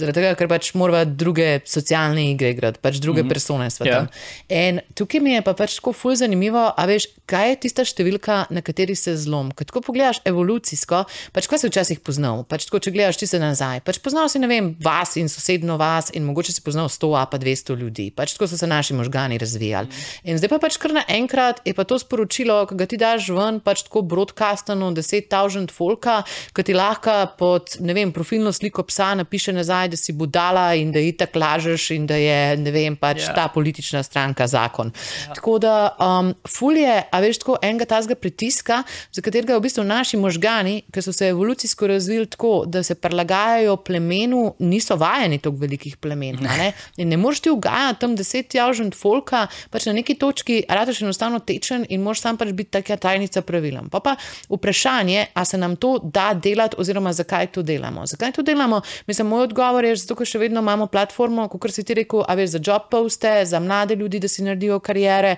Pa pač tako je pa ga dober medij, a ne pač zaupanje v reden medije. In zdaj, a mislimo, da smo neki brokers of trust tukaj, fuck no, ampak vsaj pač tisto, veš, da tista relevantnost, re, informacija, ki jo už dobil, da je vsaj semi relevantna, oziroma če ni relevantna, te bodo ljudje v komentarjih napadali. Tako da skupnosti se samo sankcionirajo funkcionirajo. In tukaj je, po mojem, bistvena razlika med velikimi in majhnimi skupnostmi, ki so bila v vseh, pa pač imaš tudi verjetno različne oblike, ne, od mastermindov, od teh mentorstev, ki jih delaš, pač v fulmajhnih oblikah, pa do teh megagrup, ki se jaz včasih počutim, več kot kar mislim, pes čuvaj. Ja, yeah, it's not nice. Ni nice. Ne, ful. Um, tudi če, če greš nazaj, uh, um, če grem nazaj na. na na Facebook. Um, jaz mislim, da kot platforma so tudi prišli v neko fazo, ko se zavedajo. Late majority, late majority, tete, babi. Jaz vidim, da se tudi malo zavedajo, da so skupine v resnici ena izmed teh. Zdaj ne vem, mogoče sem biased, ampak jaz imam občutek, da so Facebook skupine še less remaining useful feature Sej za mene, no, se pravi, verjetno sem bajas tega kanala. Um, zdaj, ko mi publikamo pač naš kontent, ga damo na, na, na YouTube in pol v bistvu ga linkamo na, na, na slovenske developerje, pa imamo tudi eh, page uh, ogrodje na Facebooku, kjer tudi objavljamo, pač normalno. Ne. Ampak. Doseg rekt. Mislim, ful sem ugotovil, da v bistvu ta naš page pač to je slot mašin. Zdaj, ja bom jaz vrgel noter ne vem koliko keša, pa Ej, bom dal tisto, pa bo pač. Ja. Uh, enkrat vem, da smo za foro dali, mislim, nekaj čist bizarnega, 10 evrov, 20 evrov. Uh, Kar neki. 5000 do vsega, ja, bravo, ja, ja, Marinka, videla, super. Ampak vse je bil problem, ne, pač, uh, pač koga naj rečem, pač kar neki. Ne, in pač. Uh, Zdaj imamo nekaj ljudi na, na Facebooku, dajemo tja vsebine, če so res ljudje strastni do Facebooka, dobivajo tam vse, ampak ne vem, ne vidim ga kot nek kanal prihodnosti, vse za nas. Per. Ne pa tudi, a veš, tukaj si rekel slot machine, jaz ti mu rečem. Pay-to-play algoritem, ja. zato sem full videla tudi na LinkedIn, pa ja. smo izmerala. Ja. Naprimer, če ti kot page za, na LinkedIn nekaj objaviš, boš imel do stokrat manjši doseg, kot če greš iz parih osebnih profilov. In zato ja. pač skozi podjetje, zdaj ful delamo na teh, reče se employee generated content. In yeah. Ja. zdaj sem imela z enim prijateljem iz Active Campaigna pač tako dobeseden pogovor, kako pa lahko pametne ljudi, kot so inženirji in developerji, navdušiš, da bodo sodelovali v employee generated content programih. Yeah. Pač marketingi bodo sodelovali, ni panike, salesi bodo ja, sodelovali. To so, to so taki less remaining uh, authentic channel, kaj. Okay. Ne, ne, ne, ne. A veš, kaj hočem povedati? Mislim, a veš, tako, mislim, kva je logika, čisto algoritemsko logiko pogledaš. Mislim, tako, če si podjetje, itak ti hoče prodati pač te njihove advertising rešitve, pa recruiting rešitve, pa mhm. whatnot, mm -hmm. če si pa v bistvu človek na platformi, pa prodaja tvoje oči, ne, in ima itak pač subtilen interes, da te bo gor obdržal. In pač, ko smo delali s podjetji teste, pa pač tako čist za njihovo komercialno aktivnost, pač to, da si angažiral pet, a pa deset zaposlenih, da pač tako postajo, pa yeah. da ja. širijo to naprej iz vidika dosega iz vidika engagementa, pač tako čas picet, pač in full, a veš tako te spremembe, ki se dogajajo, nasilijo dela tudi določene stvari, ki mogoče, jaz ne vem, če so glih evolucijsko ok. Zaradi mm. tega, ker sorry, da ti svojega inženirja, da svojega developerja, da svojega CTO-ja napadaš, da tam piše pač cringe poste, kako je on pri 14 bil bogi in kako ni verjel, da bo kdaj znal programirati, a zdaj vodi ekipo 20 ljudi, zaradi tega, da bo pač firma imela biznis kao, le, sorry, to ni najboljša uporaba njegovega časa. Ne? In zdaj ne vem, če si z vidika čenela, se to zgleda, da so zastonj čenali. Ampak yeah. Ja. vsak čenel, ki ga delaš, ima oportunitetne stroške. Yeah. Ja. Vsaka stvar, a veš, kako jo delaš, lej, če si naprimer tako, da delaš servis, pa da si agencija, mi smo naprimer tako z enim kolegom na enem projektu naredili avgusta 12 milijonov pipeline, uh mhm. slovenska firma. In pač to smo naredili prek outreacha, prek outreacha, prek tega, ker ti je totalno cringe, pač tako, da pošiljaš ljudem personalizirana sporočila, živijo, te mogoče zanima yeah. to ja. in to, ampak na inteligenten način, je bilo well researched. Uh mhm. -huh. In tukaj mi je, veš, tako, ja, jaz bi lahko rekla, folku, pač dajte se vi zdaj šest mesecev angažirati, pa dajte vsak dan objavljati na LinkedIn, pa še pač Instagram. To je moje naslednje, ker sem že večkrat videl tvojo reakcijo. Ja pač uh, en teh klasičnih, moram biti bližje mikrofona. En teh klasičnih. Uh, Zelo si dinamičen. Zagovornik. Sorry, sorry, tele, tele kauči postanejo neudobni. To je malo za stara, ne, malo že ramenski ja, obroč pa to, ne, ne, da se mora skrbiti uh, gor držati, ja. bom spil zdaj kozarc vode. V redu, ja. Ne, daj, kaj si hotel vprašati, prijatelj. Da si full trigger, ko ljudje rečejo, da moraš postati vsak dan na, na LinkedIn. Sovražam sovražim. Ja, pa svoje slike svojih malčkov, pa svoje mačke. Pa... Privacy invasion. Ok, kaj pa iz pisarne, naš coffee machine, naša lučka, naša, ne vem, dvigalo. Okay, lej, um, moj filter za kontent je, a svet s tem postaja inteligentnejši. Uf. In če je odgovor ne, to je tudi. pač, lej, tudi humor ima pač ja. neko dodano vrednost, a ne jaz ja. pač sem ljubiteljica mimov in vseh teh zadev. To sem zdaj rekla spet, kot je političarka. Dejansko A je dodana vrednost? A sem ti povedala, kaj še ne veš? Mislim, sem ti tukaj lepo lamudila, pa jamrala. Ali... Maja, če jaz prodajam vem, gume, pa vem, sem frizera, bom lahko vsak teden generiral neko vsebino. Ja. Ja. ja. Zaradi tega, ker kot nekdo, ki dela gume, veš vse, pač tako, kdaj bi bilo optimalno, glede na vreme, da se naprimer naredi menjava. Pol kaj se je uglični vtis izdeljave gume ali pa whoever cares about this. Okay. Pač tako kul je. In jaz mislim, da če si strasten do enega področja, lej, jaz sem imela stranko iz injection moldinga. A veš, okay. kaj je to? To je brizganje plastike v nekaj. To. To. To Zdaj pa delili ti strategijo na. iz tega. Aha, okay. pač kako brizgamo plastiko. In pač lej, vse se da, sam pač rabiš ljudi, ki so zelo pešeni do tega področja in pač tako zelo poseben audience, ki je tudi tako pešen do tega področja.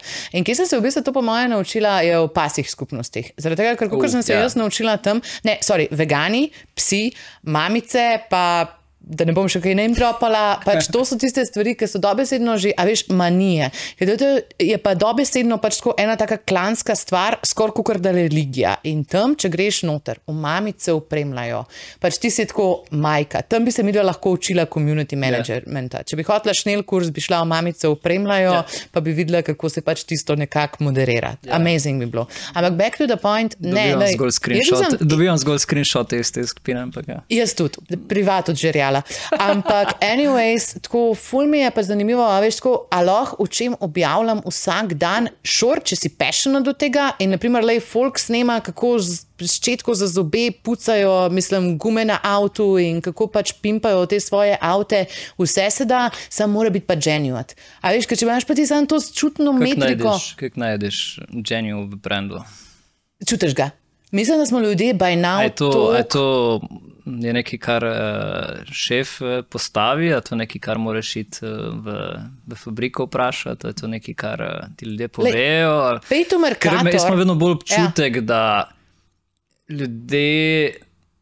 Toliko je konta, toliko je noiza, toliko je hrupa, da očitno smo prišli do neke točke, ko res moraš biti avtentičen in ljudje tudi zaznamo, okay, ja. tole je fake, tole to, ni fake. Uh... To, to je rekel Ben Williams iz Snajka, tudi ko smo se pogovarjali, pa kritično mišleč. Zaradi tega, ker če govoriš svoj korporat čajt, a veš tako. Pozdravljeni v svojo ekipo, vabimo novega sodelavca iz področja programiranja. Tako, kam on. Pa ti to napišeš, le, tole so tehnološki izzivi, ki jih rešujemo, Tako le približno mi funkcioniramo, trudimo se ne delati več kot 30 ur na teden za tim in to je to, pač take it or leave it. In meni se zdi, da tukaj je transparentnost, a veš pa, da vzamemo ta layer flafa, pa vedno se ne da. Lej, ti si delal skorpoti, jaz sem delala skorpoti, veš, kaj je compliance, veš, kaj je, da vsaka stvar rab šest potrditev iz petih različnih držav, vedno se ne da biti avtentičen in pač tako hipertransparenten, ja, ja, ja. ker včasih pač pol malo fašeš. Ampak lahko v manjših ekipah, pa tako če delaš kot personal personal brand, pa le, sorry, mislim, način, kako govorimo. Jaz dobesedno pač včasih preverjam to, a je to jezik, ki bi ga jaz rekla tep. Hmm. A bi bilo tako, spoštovani, danes sem počaščena, da sem na podkastu o grodje govorila z gospodom. Oh, ja, razumem, razumem. Ne, in to se mi zdi, da ja, bullshit filter je definitivno kle. Pač jaz ful verjamem, a veš, da kontent mora biti še vedno narejen pač z določeno mero pozornosti na kakovost, zaradi tega, ker ne vem, če tam vsak dan slikaš svojo na pol polito kavo, pa svojega psa, kako te gleda, pač ti si še vedno, aj moj life, pikico boljši, ki sem videl to sliko ali ne. Pa ne vem. Tukaj imamo, po mojem, različne interese, zakaj odjemamo kontent. Jaz ga ne zaradi tega, ker mi je dolg čas, ampak zato, da se kaj naučim. En, uh zanimiv case sem videl zadnjič. Uh, povej, povej. En, en podoben case, no pač. Uh, um, tudi uh, stranki ti včasih povejo o, o, o tvojih produktih. No. Ja. En, en zanimiv case se mi je zgodil, neko podjetje. Uh, smo se pogovarjali, da mogoče bi kaj z njimi posneli. Um, in uh, pač niso videli, da so izjemni, ampak naši, iz naše perspektive so pa imeli, ne vem, ne pamet, govorim, data center, nek full amazing, ne vem, neki serverje, klasterje, ne vem, whatever. In mi smo v bistvu kot stranka v bistvu opazi ta uniqueness, ta passion, to zanimivo zadevo. Verjetno moraš tudi svoje stranke kdaj vključiti v to To je zadevo. zakon. A pa agencijo, a pa pač zunanjega strokovnjaka, a pa Da karkoli takega. Ja, zato ker tebi je to normala, veš. In ker si tako noter v svojem disciplini, v svojem sciencu, pač ko ne vidiš več določenih stvari, ki jih pa neke sveže učke pač tako vidijo. Tako da to prve tri. Kako to narediš? Ja, ne vem, pač, če ne žužga delaš customer research, Ja. ja. pač tako ne vem, rečeš, danes imamo pa dan odprtih vrat v firmi in pol pač vidiš, da kaj se ti folk zapali. Da bi ti povedal, zdaj, Ja. Kako si naredila customer research za svojo knjigo. Amazing, Jaz ti bom- amazing. Jaz ti bom pa tudi dolil. evo. No, super, To je vino, vino je izbral Andraš. Ja, ja, to je Eh, Diablo, ne? Diablo, ja. Super, čile. Uh, sicer sem imel v roki nekaj iz primorske, ampak je rekel, da ne, da to je edino, kar Da bomo je pili vredno- Cabernet Sauvignon. Da je to Cabernet Sauvignon edino vredno vino naše gostje. tako da. Mislim, vse je, ne, vse je pač tako, veš, mislim, če v lokalu nekaj naročiš, Cabernet Sauvignona ne moreš dobiti slabega, le ker si sep nalil več kot meni. Ne zabavam te, zabavam te, Ne, ne, ne. ne zabavam te. res Če, če gremo drugo rundo tega pogovora, moramo redu, je. izračiti. Ne, lej, research za knjigo. Lej, kot sem ti rekla, čisto na začetku tega pogovora, mene je bilo pač res pol life strah, kaj si bojo programerji v meni mislili. zaradi Tega, ker, no, sorry, pač jaz kot pa nisi programer. toliko izpostavljen na programerjem. Ne, mislim, jaz se trudim, jaz bi rada bila še več, ampak pač me ne sprejmejo. Ne? Kaj? ja, zaradi tega, ker pač jaz tako pridem in pač nekaj govorim. In glih zanj sem, mislim, glih pridem, sem začela snemati, sem hotela iti heni mizi, ko so se pogovarjali o celiranju računov, pa pač tako pozdraviti, pa pač reči, hej, fanti, ki pa vi delate, pač živijo, jaz sem Maja, voje, mene tudi zanimajo te računi, pa te zadeve. Mislim, kako bi pa reagirali na to? Freeze. Ja, se to, a veš. Jaz sem tukaj, pa ne vem, kaj narediti. Pač, ker jaz sem tako malo overwhelming, ker zaprsem, pa se, se pač tako trudim biti nice, pa pač ko eni ljudje me prenašajo bolj kot drugi, ampak mene stvari res zanimajo in pač pogrem zelo tako strastno na te stvari. Ampak nazaj k customer researchu, lej, mene je bilo full strah, pač, a bo ta knjiga dosti dobra za product managerje, pa za developerje, pa za technical founderje, zaradi tega, ker, lej, sorry, pač nekoga iz marketinga, a pa pač tako iz grota navdušiti nad nekimi stvarmi je. Bom rekla, meni zelo lahko, potem, ko sem delala 70 tisoč ljudi na Udemiju in pač tako, ko sem noter okay. v tem pogovoru že tok pa tok let. Ampak a to znam na enostaven način predstaviti nekim ljudem, ki jim bo v bistvu to zelo koristilo, ampak malo pikico averzije do tega, je bil pa challenge, ki mi je bilo tako word tackling. In ja, na začetku itak. Veš, najtežji programi sta bila za me produkt pa pricing. Zaradi tega, ker sem najmanj vedela o tem. Tako, res, produkt je bil meni tako ful čuden in pa mi je nek produkt manager iz Google, pa je zmero ta pač pomagal, da sem jaz sploh strukturirala to poglavje. Ampak, kva sem ti že tukaj povedala, je, jaz sem skozi prosila za pomoč. Meni pač ni panike povedati, veš, če jaz nekaj ne znam, pa nekaj ne razumem, pa pač prositi za feedback. Jaz pač nočem gledati sama pač ene ure in ure pač v to stran, meni je bolj naravno, da pač kar tako vprašam nekoga za pomoč, a pa za feedback. In tudi ti si sodeloval v prvi rundi feedbacka, ker jaz sem pač tako posnela en takšen weird loom video, pač živijo, tukaj imajo, je, jaz sem napisala knjigico, tole približal sem moja poglavja, ampak um, ja, jaz sem to zelo namensko poslala na 50 naslovov, pač tako po različnih profilih in točno videla, kje je prišel pozitiven, pa kje je prišel negativen feedback. In pa sem itak te feedbacke pač zmapirala, zeleno tisti, ki so bili ok, rumeno tisti, ki so bili, Maja, don't give up. Eno leto si že to delala, sej kul, cool, sej končaj. A pa pač tako, lej, full dobro, ampak ne glih jasno. Pa so bili pa še eni feedbacki, ki se totalno, totalno, totalno niso išli in to je pa, mislim, nočem reči, da je antipersona, ampak pač le ljudje, ki jim jaz s to vsebino, ki jo imam, ne morem plizati, zato ker nisem fucking notela in ne morem pač tako zadovoljiti vsem. Damn, to si mi iz napiskov prebrala. A, ok, kul. Cool. Eden izmed mojih najljubših.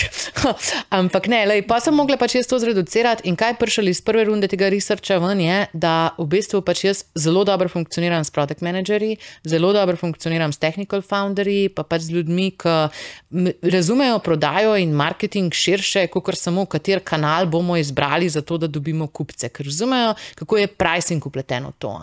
Naprimer, ker če prodajaš različnim segmentom kupcem, boš tudi lahko dosegel večjo ceno. Če prodajaš, ne vem, Maju v EM, boš lahko, ne vem, uro snemanja prodal za 100 evrov, če prodajaš Merkatorju, boš lahko prodal uro snemanja za Jurija. Si izmišljujem, ampak tako, pač pač malo različno pripravljenost plačati imamo, če targetiraš Ja. yeah. različne stran- stranke. Ampak to, kar sem ti v bistvu hotel povedati, ja, a ne, da v bistvu čez to mapiranje sem jaz pol dobila zelo jasno predstavo, komu jaz sploh govorim. In to je meni odprlo luči, zaradi tega, ker pa sem šele vedela, kje primere moram jaz v knjigi vključiti.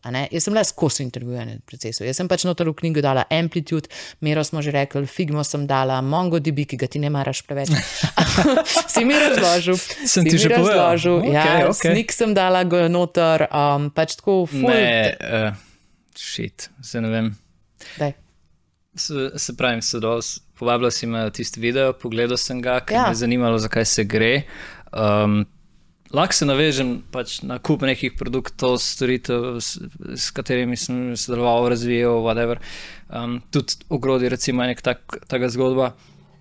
Ampak zakaj se mi zdi pomemben ta del, zakaj se tudi podan sedimo tukaj, je, ne, recimo pri ogrodju.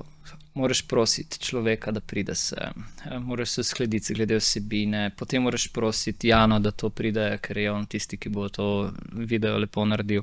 Potem moraš prositi nekoga, da bo tehnično pomagal, zvok, vse, vse to moraš narediti, Ja. potem se moramo ja pogovarjati tukaj. Ne, se ni problem. Z veseljem. Ta del je najbolj, najbolj zabaven.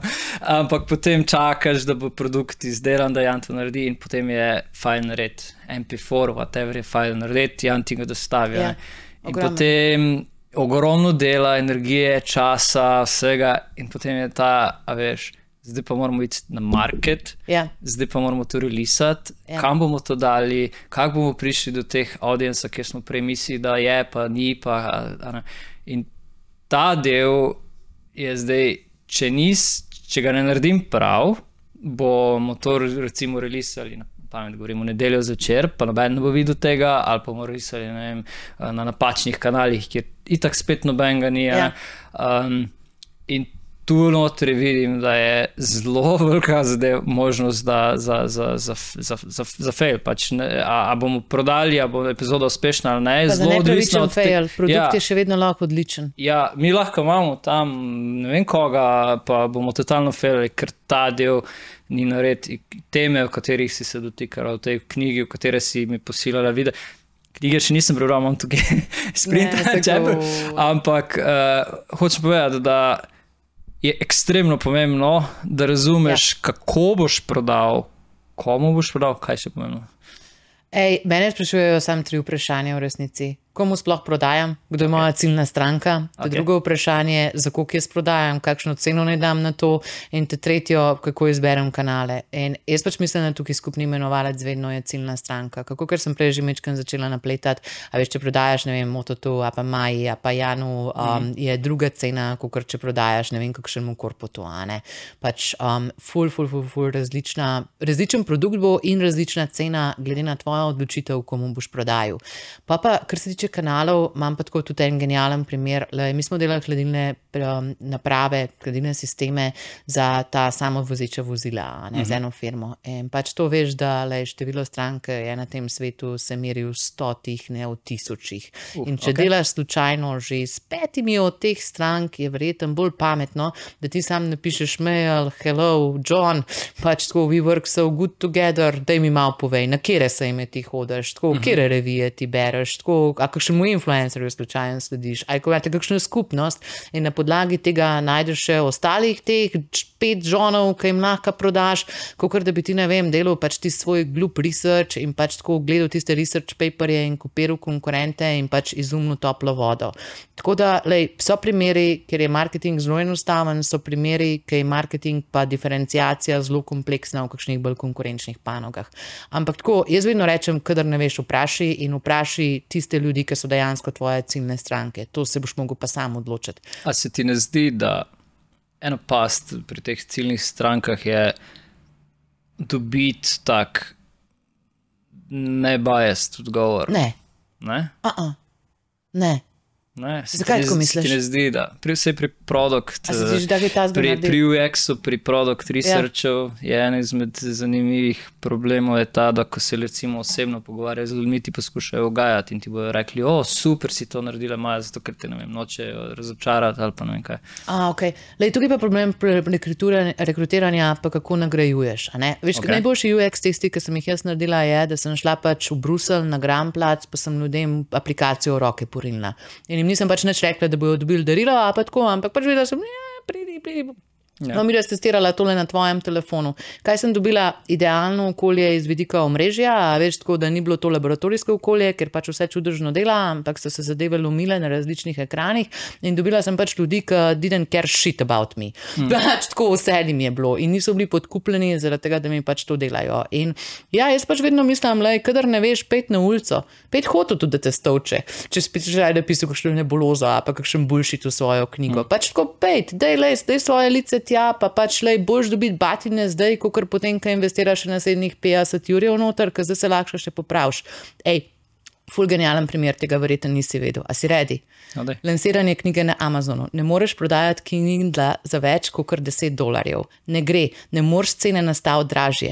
In to je meni rahlo sesulo ekonomiko, posloven model moje knjige, ker sem pač hotela prodajati za cirka 27, a ne zato, ker itak ne boš prodajal prek Se pravi, spletne knjiga ne, s- ne dražje sme biti, Amazon. ne sme, Kindle knjiga ne sme biti dražja kot 10. Ne, fixed price. Oh, wow. Fixed price. A veš, in jaz sem si naredila celo kalkulacijo, pač tako vso projekcijo Ja, na to, da prodala. lahko. Ne, ne, ne, mislim, ne, ne le, valjda ne bom normalno prek svoje spletne strani knjige dražje prodajala, ja. kot tam. Pač zdaj si lahko še prilagodim iz vidika bandlov, zdaj še lahko v pač to informacijo upoštevam. Sam predstavljaj si, a ne, da bi jaz to naredila, da bi jaz to ugotovila na launch date. Mm. Meni bi se s tem njim. Jaz pa moja skapadla, pač groza bi bilo. Tako da, lej, kar ko lahko narediš klele, je ful, ful, ful, ful pomembno. In kar se tiče raziskave strank, jaz pač skoraj da že to vidim kot izgovore. Zaradi tega, ker vedno si lahko spomniš 3000 stvari, zakaj neke stvari ne moreš narediti, a pa zakaj je določena stvar slaba. Ampak v resnici, če se pogovarjaš s tremi ljudmi, verjetno boljš, kot da pač špekuliraš, zakaj se morda ni dobro pogovarjati z ljudmi. Zaradi tega, ker če neš drugega, si vsaj dokazal, da se ni dobro pogovarjati z ljudmi, ker je tudi slavno znanstveno metodo. In to mislim, da je ena taka kreativna prokrastinacija, oziroma mogoče včasih tudi malo mentalen rabbit hole, a veš, da iščeš za kva stvari, ki ti niso udobne, ne bi delal. Jaz vedno rečem pač tako, lej, fuck it nared.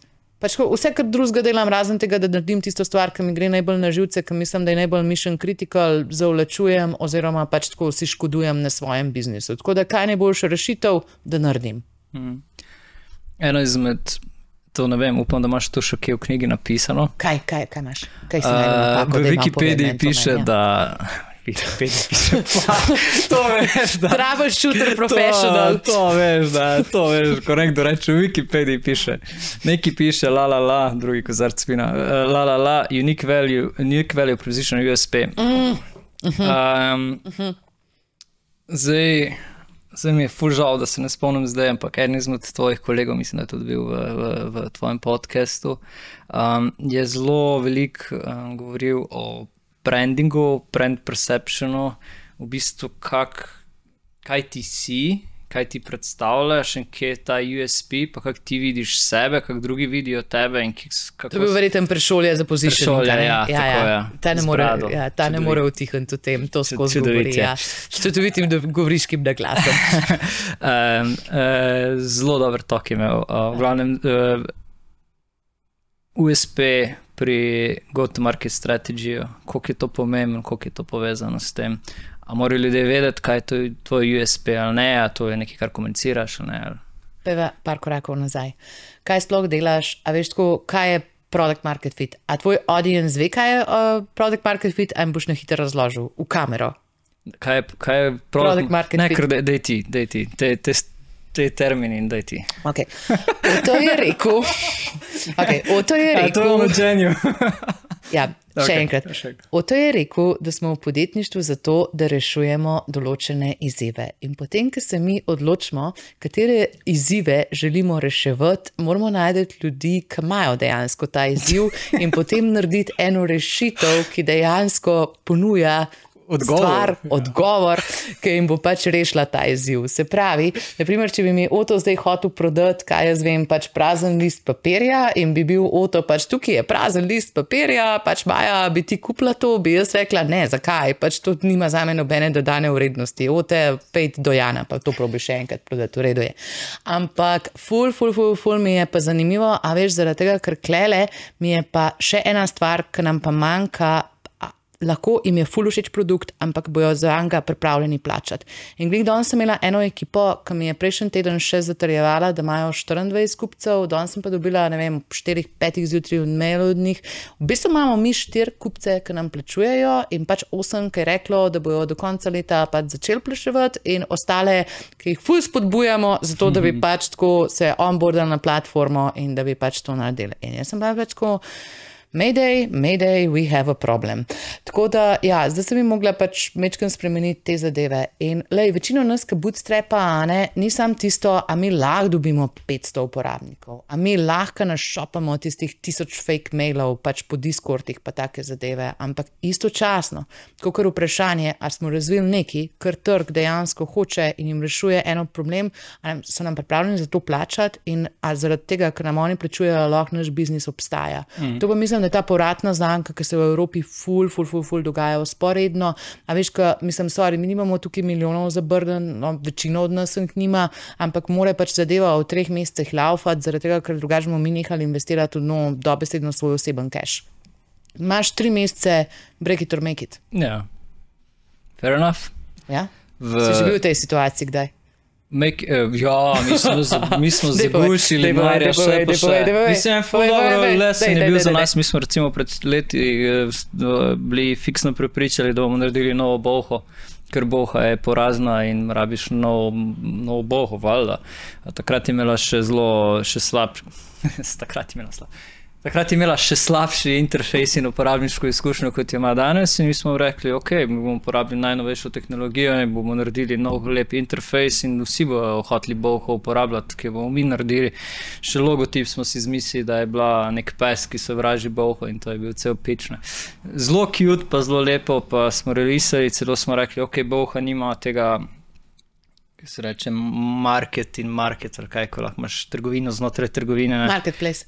Mm, Da lahko, z, anyway, Ok. okay. neki feature smo, mi smo to vse razvili, denarja je šlo full, um, ampak spet smo prišli pred to problem, da pač ni bilo neke strategije. a Veš, kako bomo pa zdaj ljudem povedali, da imamo mi zdaj ta Boha Killer app, ki bo, zdaj vse, ki bo nadomestil Boha. Ne? Prišli smo do tega problema, kako bomo sploh dobili prve stranke, da bodo zaupali, da imamo mi dovolj veliko platformo za, za, za, za prodajati stvari. Zdaj, in to spet marketplace ustvarjati spet čist posebno. ne. Ja, zaradi tega, ker imaš dvojen problem, to je cold start problem, ki moraš sellerje dobiti, pa še tiste, ja. ki bojo kupovali. Tak, chicken egg problem je. Totalno. Obstajajo sicer neke teorije, kako to rešiš, in zelo zanimive. Da, če koga zanima, Google it.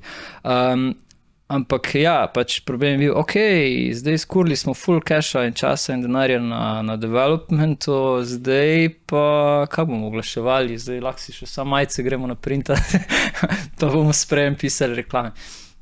To je en tak lep, lep eksempel, ko v bistvu se zaplezaš v to, da si developer in raje rešuješ tehnične probleme, kot da bi razmislil v bistvu o tem, kaj market potrebuje. Um, to je en izmed. Ja, amazing. Ful, hvala, ker si tole res delil. Zaradi tega, ker mene tudi, veš, tako, meni se najbolj para srce, kadar vidim overdeveloped produkt. Kadar vidim pač tako že vse dobesedno narejen, a pa po možnosti, le tehnični founderji ste še kar ninja, pa znate pač stvari še sami poštimati, ampak ko pa vidim kakšnega, ne vem, 45-letnega iz Luksemburga, ki je pač tako, mislim, delal v korputu, pa pol investiral kao svoj startup, ki ga je ena horda romunskih developerjev nategnila, da ima zdaj svojo aplikacijo, ki ne bi smela obstajati, mi je pa tako pač, o bog, to ne bi smelo obstajati. Pač tako res, mislim, tukaj le iz vidika tega, a trg to hoče, a trg to rabi, je ne.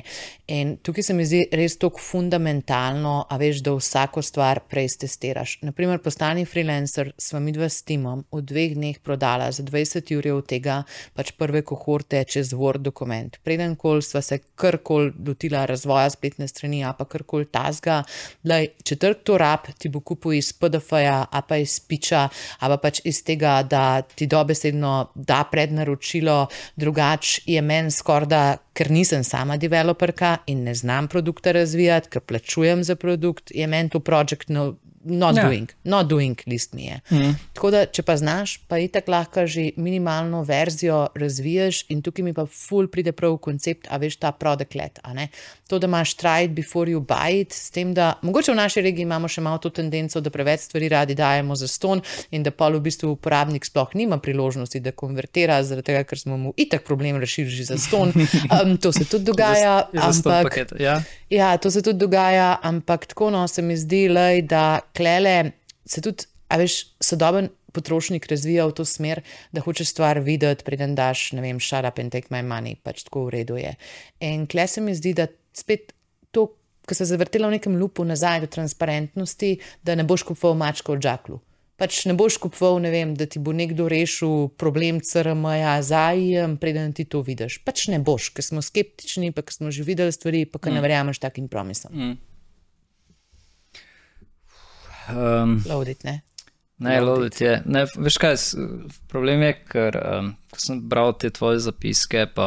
pa, pa To je knjiga, to niso zapiski, to je knjiga. Ja, sorry, poslala si mi first chapter, nisi mi poslala še celo To je knjigo. tretji, to je tretji A, tretji chapter, cha- ampak ok, dober se. ok, dober ok, sej. ok, sprintu sem si ga celo toliko listov je bilo, da sem Neverjetno. mo- dal sem dva, dve strani na 1A4, pa sem pol mogel še papir dati v print. Koliko imamo misli prelom. Ne, um, uh, s- kaj, če lahko pogledam, kaj še imam v zapisku. Lej, če te še kaj zanima, no, Ja, samo tako, če če da lahko ima- dodava vrednost. Vse fanti počasi vstajajo lačni, ampak počasi še bomo. Um, da, da, Ej, Kaj bomo da, pa jedli pola, imaš kakšne plane za nas? Ne vem, chips, startup je. Ne, se bomo zrihtali.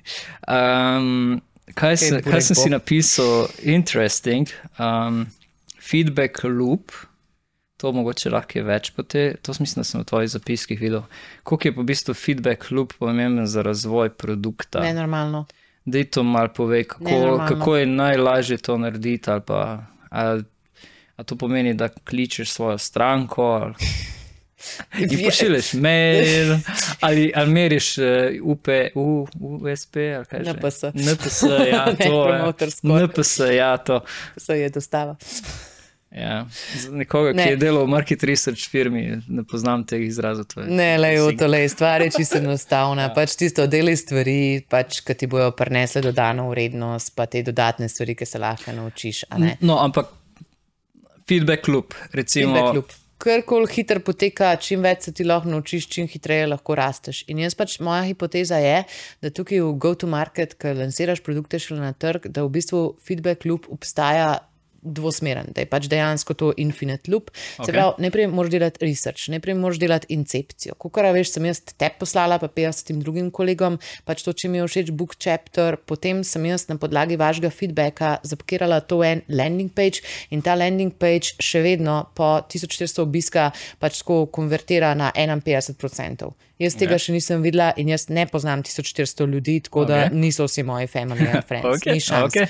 In, a veš, s tem, da sem se jaz naučila od vas s kvalitativnimi raziskavami, s tem, da sem šla dejansko prototip testirati v pisni obliki, sem lahko naredila produkt, ki se mi je pol z eno tako višjo stopno konfidenca, s tem, da sem lahko že izmerila, kaj je conversion rate, zvalidiral, da je to res to, da imam pač tako v redu pič.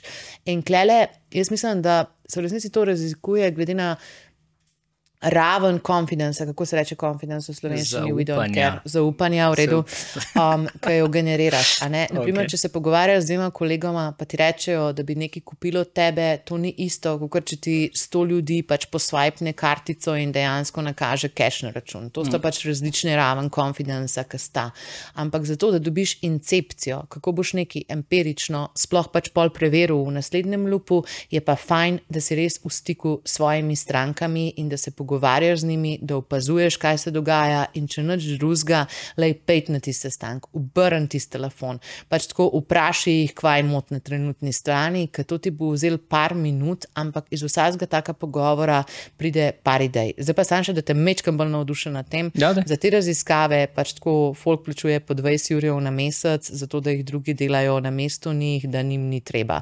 Tako da te stvari imajo res močno, močno, močno dodano vrednost. Če se pa še vedno na vse pred tega želiš znebiti stika z ljudmi, da je pa tam en exit poll na spletno stran, pa jih vpraši, kaj te prepričuje, da ne postaneš premium subscriber danes in se boš iz tega naučil ogromen in pač najdu ene full dobre stvari, ki jih lahko izboljšaš. Tako da meni je, a veš, ta research del, pa potem to, da eksperimentiraš, pa da te domneve, assumptions, ki si jih imel, pač tako dejansko testiraš. Kaj bi bila lahko moja critical assumption, kaj bi bil moj unknown, unknown prlonču? Da Kindle ne morem prodajati za več kot 10 evrov. Če bi jaz to pušila, launch over. Pač ne bilo fajn, ekonomika projekta bi se mi sesula. a Ne? In te zadeve je fajn imeti zmapirane vnaprej in imeti pač metodologijo, kako se to lahko oddaš. A Zdaj pač skozi menim, kot rečem, med scientist, ja, verjetno. Ne. Ne, make ne. sense. Kind of. Ne, mislim, Okay. prebral sem samo en chapter, tako da še ne vem, kaj je ostalih, ampak Ampak če si že tukaj dobil dodano vrednost, dobil sem dodano vrednost. best. dobil sem dodano vrednost. Eno vprašanje me v bistvu še, še v tem sklopu zanima. Ja. Se mi zdi, da ko si startup, ko si pač uh, pizza size ekipa, ko Ja, so vsi za mizo, je te Ninja. stvari mogoče. Zdi se, da jih je lažje narediti in da mogoče se ne zavedaš, da je to tvoja prednost. Da v To bistvu je totalno tvoja prednost. Ja, da si Pač sam da, greš. Da, da sam greš. Sam greš. Samo vprašaš, nimaš kaj veliko izgubiti. Ampak um, te vprašanja so pomembna za startupe, za SME, kratica, Ja. love it, in za korporacije. Ne? In verjetno večji, ko si, več je odvisno od tvoje go-to-market strategije. Totalno. Sem o to, ali lahko še ne, ne nekaj vprašam, zato ker vem, Ja. kaj bo zdaj letel naprej. Ja. Ampak tako, ker se Ne, rekel no, mojega naslednjega vprašanja zagotovo ne moreš predvideti. Ampak, okay. Ok, prav, v redu, okay. pa se pa pustim presenetiti. Ampak, le, ki si to rekel, a ne, mislim tako. Mene so vprašali, a če bi vedela, koliko dela je treba v to vložiti, a bi še enkrat šla napisati knjigo. Zato te to vprašam. Sara Stojanovski. Zelo dobra prijateljica. Ok. Okay. Pač super, ki sa Customer Discovery Ninja. Um, in take sem rekla, ti, ti, tu imaš take razumne ljudi okrog sebe, ker moja ekipa v Grodi je zelo Ja. taka, nimamo tako poglobljene, mi pač naredimo. Full bolj smo. Just do it. Pač. To je super? Opažam, opažam mogoče, da bi rabili včasih nekoga, ki bi re- malo bil ta voice of reason, se nam to splača, malo bolj refleksije. Ne. Ja, se to, mislim, to je bila pri meni bolj retrospektiva, kot kar koli drugega. Ja. In tako, ona me je vprašala, a še enkrat šla to delati, jaz sem tako, ne. Ne, pač tako res ne bi, pač tako groza je bilo, Ja, pač eno leto svojega med, med življenja. pisanjem te knjige imaš še en, Ampak- en kup zapiskov, ki so premium. jaz sem pisala 1500 strani, babe. Pač tako groza je bilo. Ja, zdaj bo mogoče 250 uporabnikov tega ven. Ampak okay. k vam je pa to v bistvu naučil, a veš, z vidika tega. Lej, prej pač jaz znam dobro delati sestanke. Jaz pač cele dneve govorim. Če vprašaš večino moje ekipe, kaj imajo dela cele dneve, je obrača telefon pa govori. Okay. Oni to mislijo, da jaz delam Ja. ja. v resnici, jaz delam strategy pa partnerships. Ja. Ampak, ful, ful, ful, ful mi je res pomembno, a veš, tako pri teh zadevah, kakšna oseba rataš na tej poti. In tudi, naprimer, ko imaš tako produkt za delati, jaz sem pač tako, mislim, tudi ekipam, ki jim mentoriram, vedno rekla, da bolj boš obzoroval stvari, ki jih nisi naredil, kot stvari, ki si jih naredil. In pač ti moraš videti, kaj je konkluzion tega. Tako da, lej, razumem te, da se bojiš, razumem te, da ti je to čuden delati, razumem te, da pač tako tečeš svojo zadnjo miljo tukaj, ampak nared. Nared, zaradi tega, ker drugače tega nikoli ne boš videl narenga. True, true. Ma starejši, ko si bolje. Sicer se zavedaš, da imaš uh, vedno manj nekega ča, ča, časa za te stvari. A bi omenil še, mogoče da za ogrodje, da tudi razmišljaš, da bi dobil kakšne mlajše sodelavce ali ne? Ne, danes? ne, ne. ne, Uh, danes, ne, okej. uh, ne. Asistente. Ne, jaz imam, imam čudo, da imamo še full tem, ampak bomo počasi Seveda. prepeljati to, Koliko časa pa že snemamo v bistvu? Uh, zdaj spem točno koliko, ampak ne bom. No, zdi se, kot pa ure. Um, ok. Um, v growth hackingu, pa bom šel nazaj, mogoče malo na growth hacking, ker to je tudi neka zadeva, ki ti je. To pa zdaj domača. rebrandiram. To pa Kaj? nočem biti več asociirana s to temo, zaradi tega, ker imam bad rep. Zakaj? Okay. Lej, jaz pač res tako na Udemiju imam pač tako kurs, ki ga je naredil, ne vem, 70.000 ljudi mm -hmm. zdaj le in jaz pač tako na dnevni ravni dobivam po pač 20 sporočil od gospodov in gospa iz Indije in iz Pakistana in zdaj se je pač začela ta, mislim, Outsourcing. Lady Majority, pa SEOS, growth hacking, pa take zadeve. Tako da, lej, jaz, Šona Elisa imam v svojem imeniku, ful sva dobra prijatelja, pač tako ful teh influencerjev poznam iz tega področja. In jaz bom tako le čisto pošteno rekla, mi sam verjamemo v metodo eksperimentacije. Mi sam pač verjamemo, da namesto tega, da se ti zmišljuješ, kva delaš, a veš temu marketingu in da računaš na svojo genialnost in kreativnost in whatnot, da pač ko miraš in da dobivaš podatke in da pač dobiš feedback, ljub, česa bi mogel delati še več, pa česa manj. In zdaj, če temu rečemo, ne vem, experimentation, če temu rečemo growth hacking, če temu rečemo agile marketing, če temu rečemo ne vem kaj vse, pač meni se ne da, meni se ne da, sam pač sorry, da mi bojo tam neki pačiti govorili pač pet growth hackov, kako shekati SEO svoje spletne strani. Ni zato, ker sem jaz šla v science. Ni zato, ker sem jaz šla v science. Jaz sem šla v science, zaradi tega, ker sem verjela, da je tukaj scientific approach v neki, kar so mene na faksu učili, ko se prodaja pralne praške v 70-ih, Filip Koltler. Tako da, ja, mislim, da tukaj le rabimo mečken rebrandinga in še ena stvar mi je bila pri growth hackingu, a veš, tako vsi so ti rekli, ja, lahko rasteš produkte, ki imajo dober product market fit in moj point je, noben ti pa ni povedal, kako do tega prideti. In pač lahko tiste Osvaldarje bereš in pač Steve Blanke in take zadeve, sem tako, lej, res, jaz sem hotel napisati ne cookie cutter recipe, ampak hotel sem napisati step by step, kaj moraš narediti in na kaj moraš biti pozoren, zato da ti bo pač najbolj verjetno uspelo, da kakšno odločitev lahko s confidencem sprejmeš. Back to my question. Kaj je bilo? Kaj je bilo? Growth hacking. ja.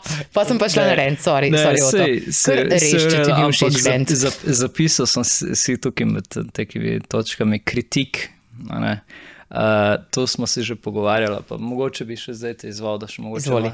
Um, v svoji knjigi, tudi v Growth- eh, Go to Market Strategies, to imaš napisan MongoDB, mislim, da ga imaš. Uh -huh.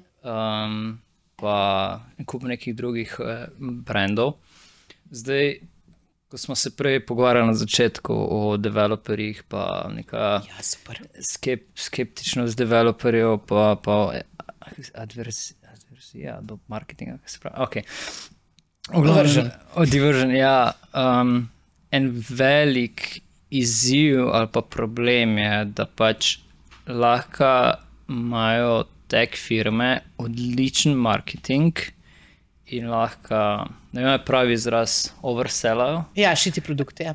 Oversell, pa ni nujno, da je šiti produkt, ampak lahko ga recimo sam pozicionirajo v prostor, kateremu ni namenjen, ali pa, okay. ga, ali pa ga neki feature prodajo, ki recimo, vem, niso stable. Ali, ali, da pride do tega razkoraka in potem se zgodi, da Mrkvaj rekel, cel svet uporablja MongoDB na napačen način za napačne stvari, zgolj zato, ker je marketing od MongoDB-ja full dober. ne. Okay, zahaklajo na koledžu. Ja, pač oni delajo in- dobre stvari. recimo, ne vem, tu imam napisano Rating DB, je recimo en tak primer uh, podjetja, ki je ugasnalo, z, ampak pač njihov pitch je bil, da so vem, full dobri, da znajo vse to narediti, odlična dokumentacija, odličen. Odličen sales, webinari, videi, konference, vse ta mašinerija dela, ne? ampak na koncu dneva pač feature, ki so jih obljubili, niso ne. Um, in to je nek tak uh, kritik, pa, kjer jaz vidim, da pri, se na moji strani prihaja do tega, da pač uh, sem pozljiv pri tehnologiji. Verjetno tudi moji kolegi, mogoče ki so bolj izkušeni, so, imajo neke take izkušnje. Se pravi, da, a veš, da ločiš, ali je to res dober marketing ali je dejansko ja. tehnologija full dobra. Ne? In te stvari um, so, so zelo, um, kako naj to rečem. Je challenging, zato imajo tudi ljudje zelo tak uh, zadržan odnos do tega. ne. Ja, kar ima smisel, zato da se ti nekaj naučiš, pač verjetno traja mesece in mesece, da se jaz nekaj naučim naklikati, traja par minut. ne. In mislim, tako investment, ki ga imamo mi dva, zato da pač tako adoptava novo tehnološko urodje, a pa framework je bistveno drugačen. In mm. itak, pač ko le stvari, če mi jaz pač 15 minut wastala tam, če mi je Calendly bolj všeč, a mi je tisti Google Meetings bolj všeč, pač to res nima nekih ful radikalnih posledic, mm -hmm. to, ko vi delate, ima posledice. Mm -hmm. In itak moraš odločitev drugače sprejeti. Tako da štekam in mislim, da tukaj le pa nočem hype, zdaj product let go, ter grow tako kot naslednji pač buzzword, meni tako show don't tell. Pa uh mhm. -huh. pač daj cash nazaj, če nisi mogel deliverati. Uh mhm. -huh. No questions asked. to se sliši ful bolj enostavno. Če pa jaz imam veš, sistem, pa stranko, ki je odvisna od MongoDB, v tem primeru pa. Ja. Ne delivera cel produkt, zaradi tega, ker je pač tehnologija neustrezna, ampak yeah. Ja. je bila izbrana na podlagi, podlagi hypa, ne na podlagi ustreznosti researcha je problem. Uh, to je bil moj kritik. Zdaj, Zdaj, ne, ne, Shopify, a veš, kaj Shopify je pač tudi ridiculously expensive, pokaj se skala. Na začetku pač tako sounds good, ampak pol pa pač tako, mislim, stroški poskočijo. Mm. In, naprimer, če izbiraš na začetku in če razmišljaš, pač tako, ne vem, v roku enega leta, kaj je tvoja najboljša odločitev, v resnici moraš ti razmišljati, če si pač dober entrepreneur v roku petih, a pa desetih let pač kaj je tvoj scalable business, kdo je tvoj scalable team. Pač ta, čez to moš odločitve sprejemati. Je to vedno možno? Ne, ker nismo popolno informirani. Mm. Tako da super, da na te zadeve opozoriš. Okay. Če, to si mi tako lepo, to si mogla vaditi, da si mi tako lepo odgovorila. Ne, nisem, sem pač tako s Simonom Pelakom se veliko družim, ne, malo uh, kondišno že. Zdaj, kaj sem imel, oh, še ta drugi kozarci bil čist prehod. Um, Mislim, da ti boš štarsko državljanstvo vzel. Gledal sem tvoj LinkedIn profil. Ne? O moj bog. Um, Moje so žalje. Hotel sem, um, ja, ful imaš v bistvu, hotel sem povedati, da imaš pri teh. Uh, Pri firmah, kjer si delal, imaš ful premalo napisano, kaj si ja. počela. Ja. Naslednjič, ko bomo imeli rostanje LinkedIn, moramo kaj narediti tega. A boš, a boš še kdaj za rostanje LinkedIn? A boš še kdaj za spoločenje? Ne, ampak bi pa izkoristil to priložnost, ja. mogoče, da, da, da, da povem, uh, da vidim, da ljudje se ful premalo zavedajo, koliko je LinkedIn močen, pomemben pri njihovem delu in ta rost, ki si ga naredila, kakorkoli si ga naredila, da je zdaj na vrhu. Brez dovoljenja. Ja, ni mi dovoljenja. Anyways, to mi je ostalo v spominu. Uh, je, je, je ful pozoril, pa ful pomembno. Ne? Zdaj, posebej za ne moči juniorje, ki ne vejo, kaj sploh naj napišejo. Ja, ampak ja. LinkedIn je danes postal vaš, vaš online obraz, ja. identiteta, whatever. Um, Dajte več pozornosti na, na posvetiti temu. Um, Ta ideja mi je še preletela, da nekako moram ljudi upozoriti v sklopu tega podcasta. Ej, to, a mi lahko zdaj že ne, ne morem še za tvoje možgane zahaklati. Ne, to, to, to si ti tako lepo povedal tukaj v LinkedInu, zdaj pa še ti meni povej, ajde, da mi naredi to uslugo. Tako, kako lahko mi, ki delamo v marketingu, pa pri salesu, tako, kva mi lahko tukaj le naredimo, zato da ne bomo developerjem cringe. Tako, kako biti normalen do developerjev, pa do inženirjev? Ful dobra strategija je, recimo to, ko zdaj vidimo z developer advocati. Recimo, ne vem, Žan Markan je bil en izmed naših gostov prej, uh mhm. -huh. kjer je v bistvu človek, ki je um, bivši developer, ki je delal z developerji, ki je bil developer. Takšen je moj John Cutler tudi. Se neki trenutku ja. odloči, da pač uh, bi rad nekaj drugačnega. Influencer. no, ampak, ampak ne, gre na te konference, je z developerji, razume njihove probleme, nosi probleme nazaj v, v HQuadrs, pa jih diskutirajo. Um, je tam, bije bitko, spremlja vse te kanale in je pač. Ni outsider, ampak je v bistvu neki insider. Ja. Se pravi, je embeden, je advocate, je od znotraj. In se mi zdi, da recimo da je full vreden za, za podjetje in za komunity, ja. ker ve, kaj so trendi, ve, kaj so ogrodja, ki prihajajo, ve, kaj so. Ne. Govori jezik. Ja, govori jezik. Ne. In ne fake, pač on je to. ne, ne, ne, ne, To je ful pomembno. Nekaj isto sem videla, veš, pri Johnu Cutlerju na Amplitudu, a pa pri Benu Williamsu na Sniku, ko te tipi, mislim, agen, jaz se jih bojim, tako kot se tebe bojim, tega, ker pač tako vem, da pač tako, lej, ne bo res to vsega tega bulšita, ki ga mi včasih pač tako serviramo v svetu. Ampak meni je super pač tako čuz da si izbereš istega zaveznika, ki te je pripravljen poslušati. Ker se mi tudi mislimo dobro, ne mislimo, da pač tako svetu prenašamo neke tehnologije in ali rešitve, ki bojo pač tako yeah. ok, ampak tudi mi rabimo vas, da se ukvarjate z nami. Ka, a veš, tako jaz prehajam iz biskula, pa nisem najneumnejši biti na svetu, pač presežem, da nisem. Sam, če mi ne bo pač developer oziroma CTO pač razložil teh stvari, kaj mi prodajamo in kaj mi delamo in kaj je roadmap, bom jaz pač verjetno zelo slabo v svoji službi Ampak in ne bom znala tega narediti. Se to zadnje, se pač isto je za developerje. Se kot developer, kot inženir, ne moreš biti dober in učinkovit, če ne razumeš kaj, kam pluje ta ladja. Tako da se popolnoma strinjam. Um, Šokantno. Šokantno, da je ful se strinjal, vse ni, ni ful problema. Um, Nič, da ima počasi zaključiti. Ej, hvala ti, ful. Vem, vem, da je še ful tem, vem, da še imamo marsikaj zapovedati, bomo nekje moramo potegnati. A me boš ne burek povabil. bomo broj, ki boljšega kot burek, prav.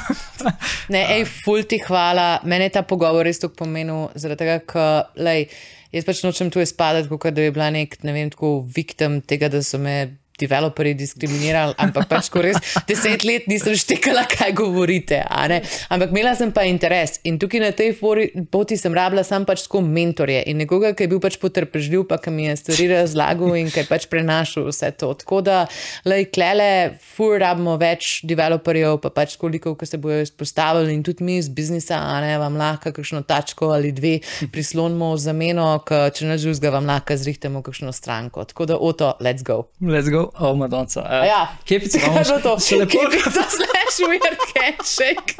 ne, čakaj, ima zdaj. Um, ja. Zdaj vsi, ki še, ki še ustrajajo do konca. Živimo te. Ja, ne, čakaj. Zdaj, um, pri 45 minutah bi se mogel zahvaliti tudi našim podpornikom in sponzorjem. Ja. Tako da Human Frogu in 3FS se zahvaljujemo za podporo. Zelo se zahvaljujemo tudi Patreonu, ki so nas podprli in uh, vsem, ki so z nami pa Maja, najlepša ti hvala za ta pogovor. Pa še kdaj. Pa še kdaj. ne, hvala lepa, da ste poslušali. Zdaj pa lahko. Ok, super, the best. Let's do it.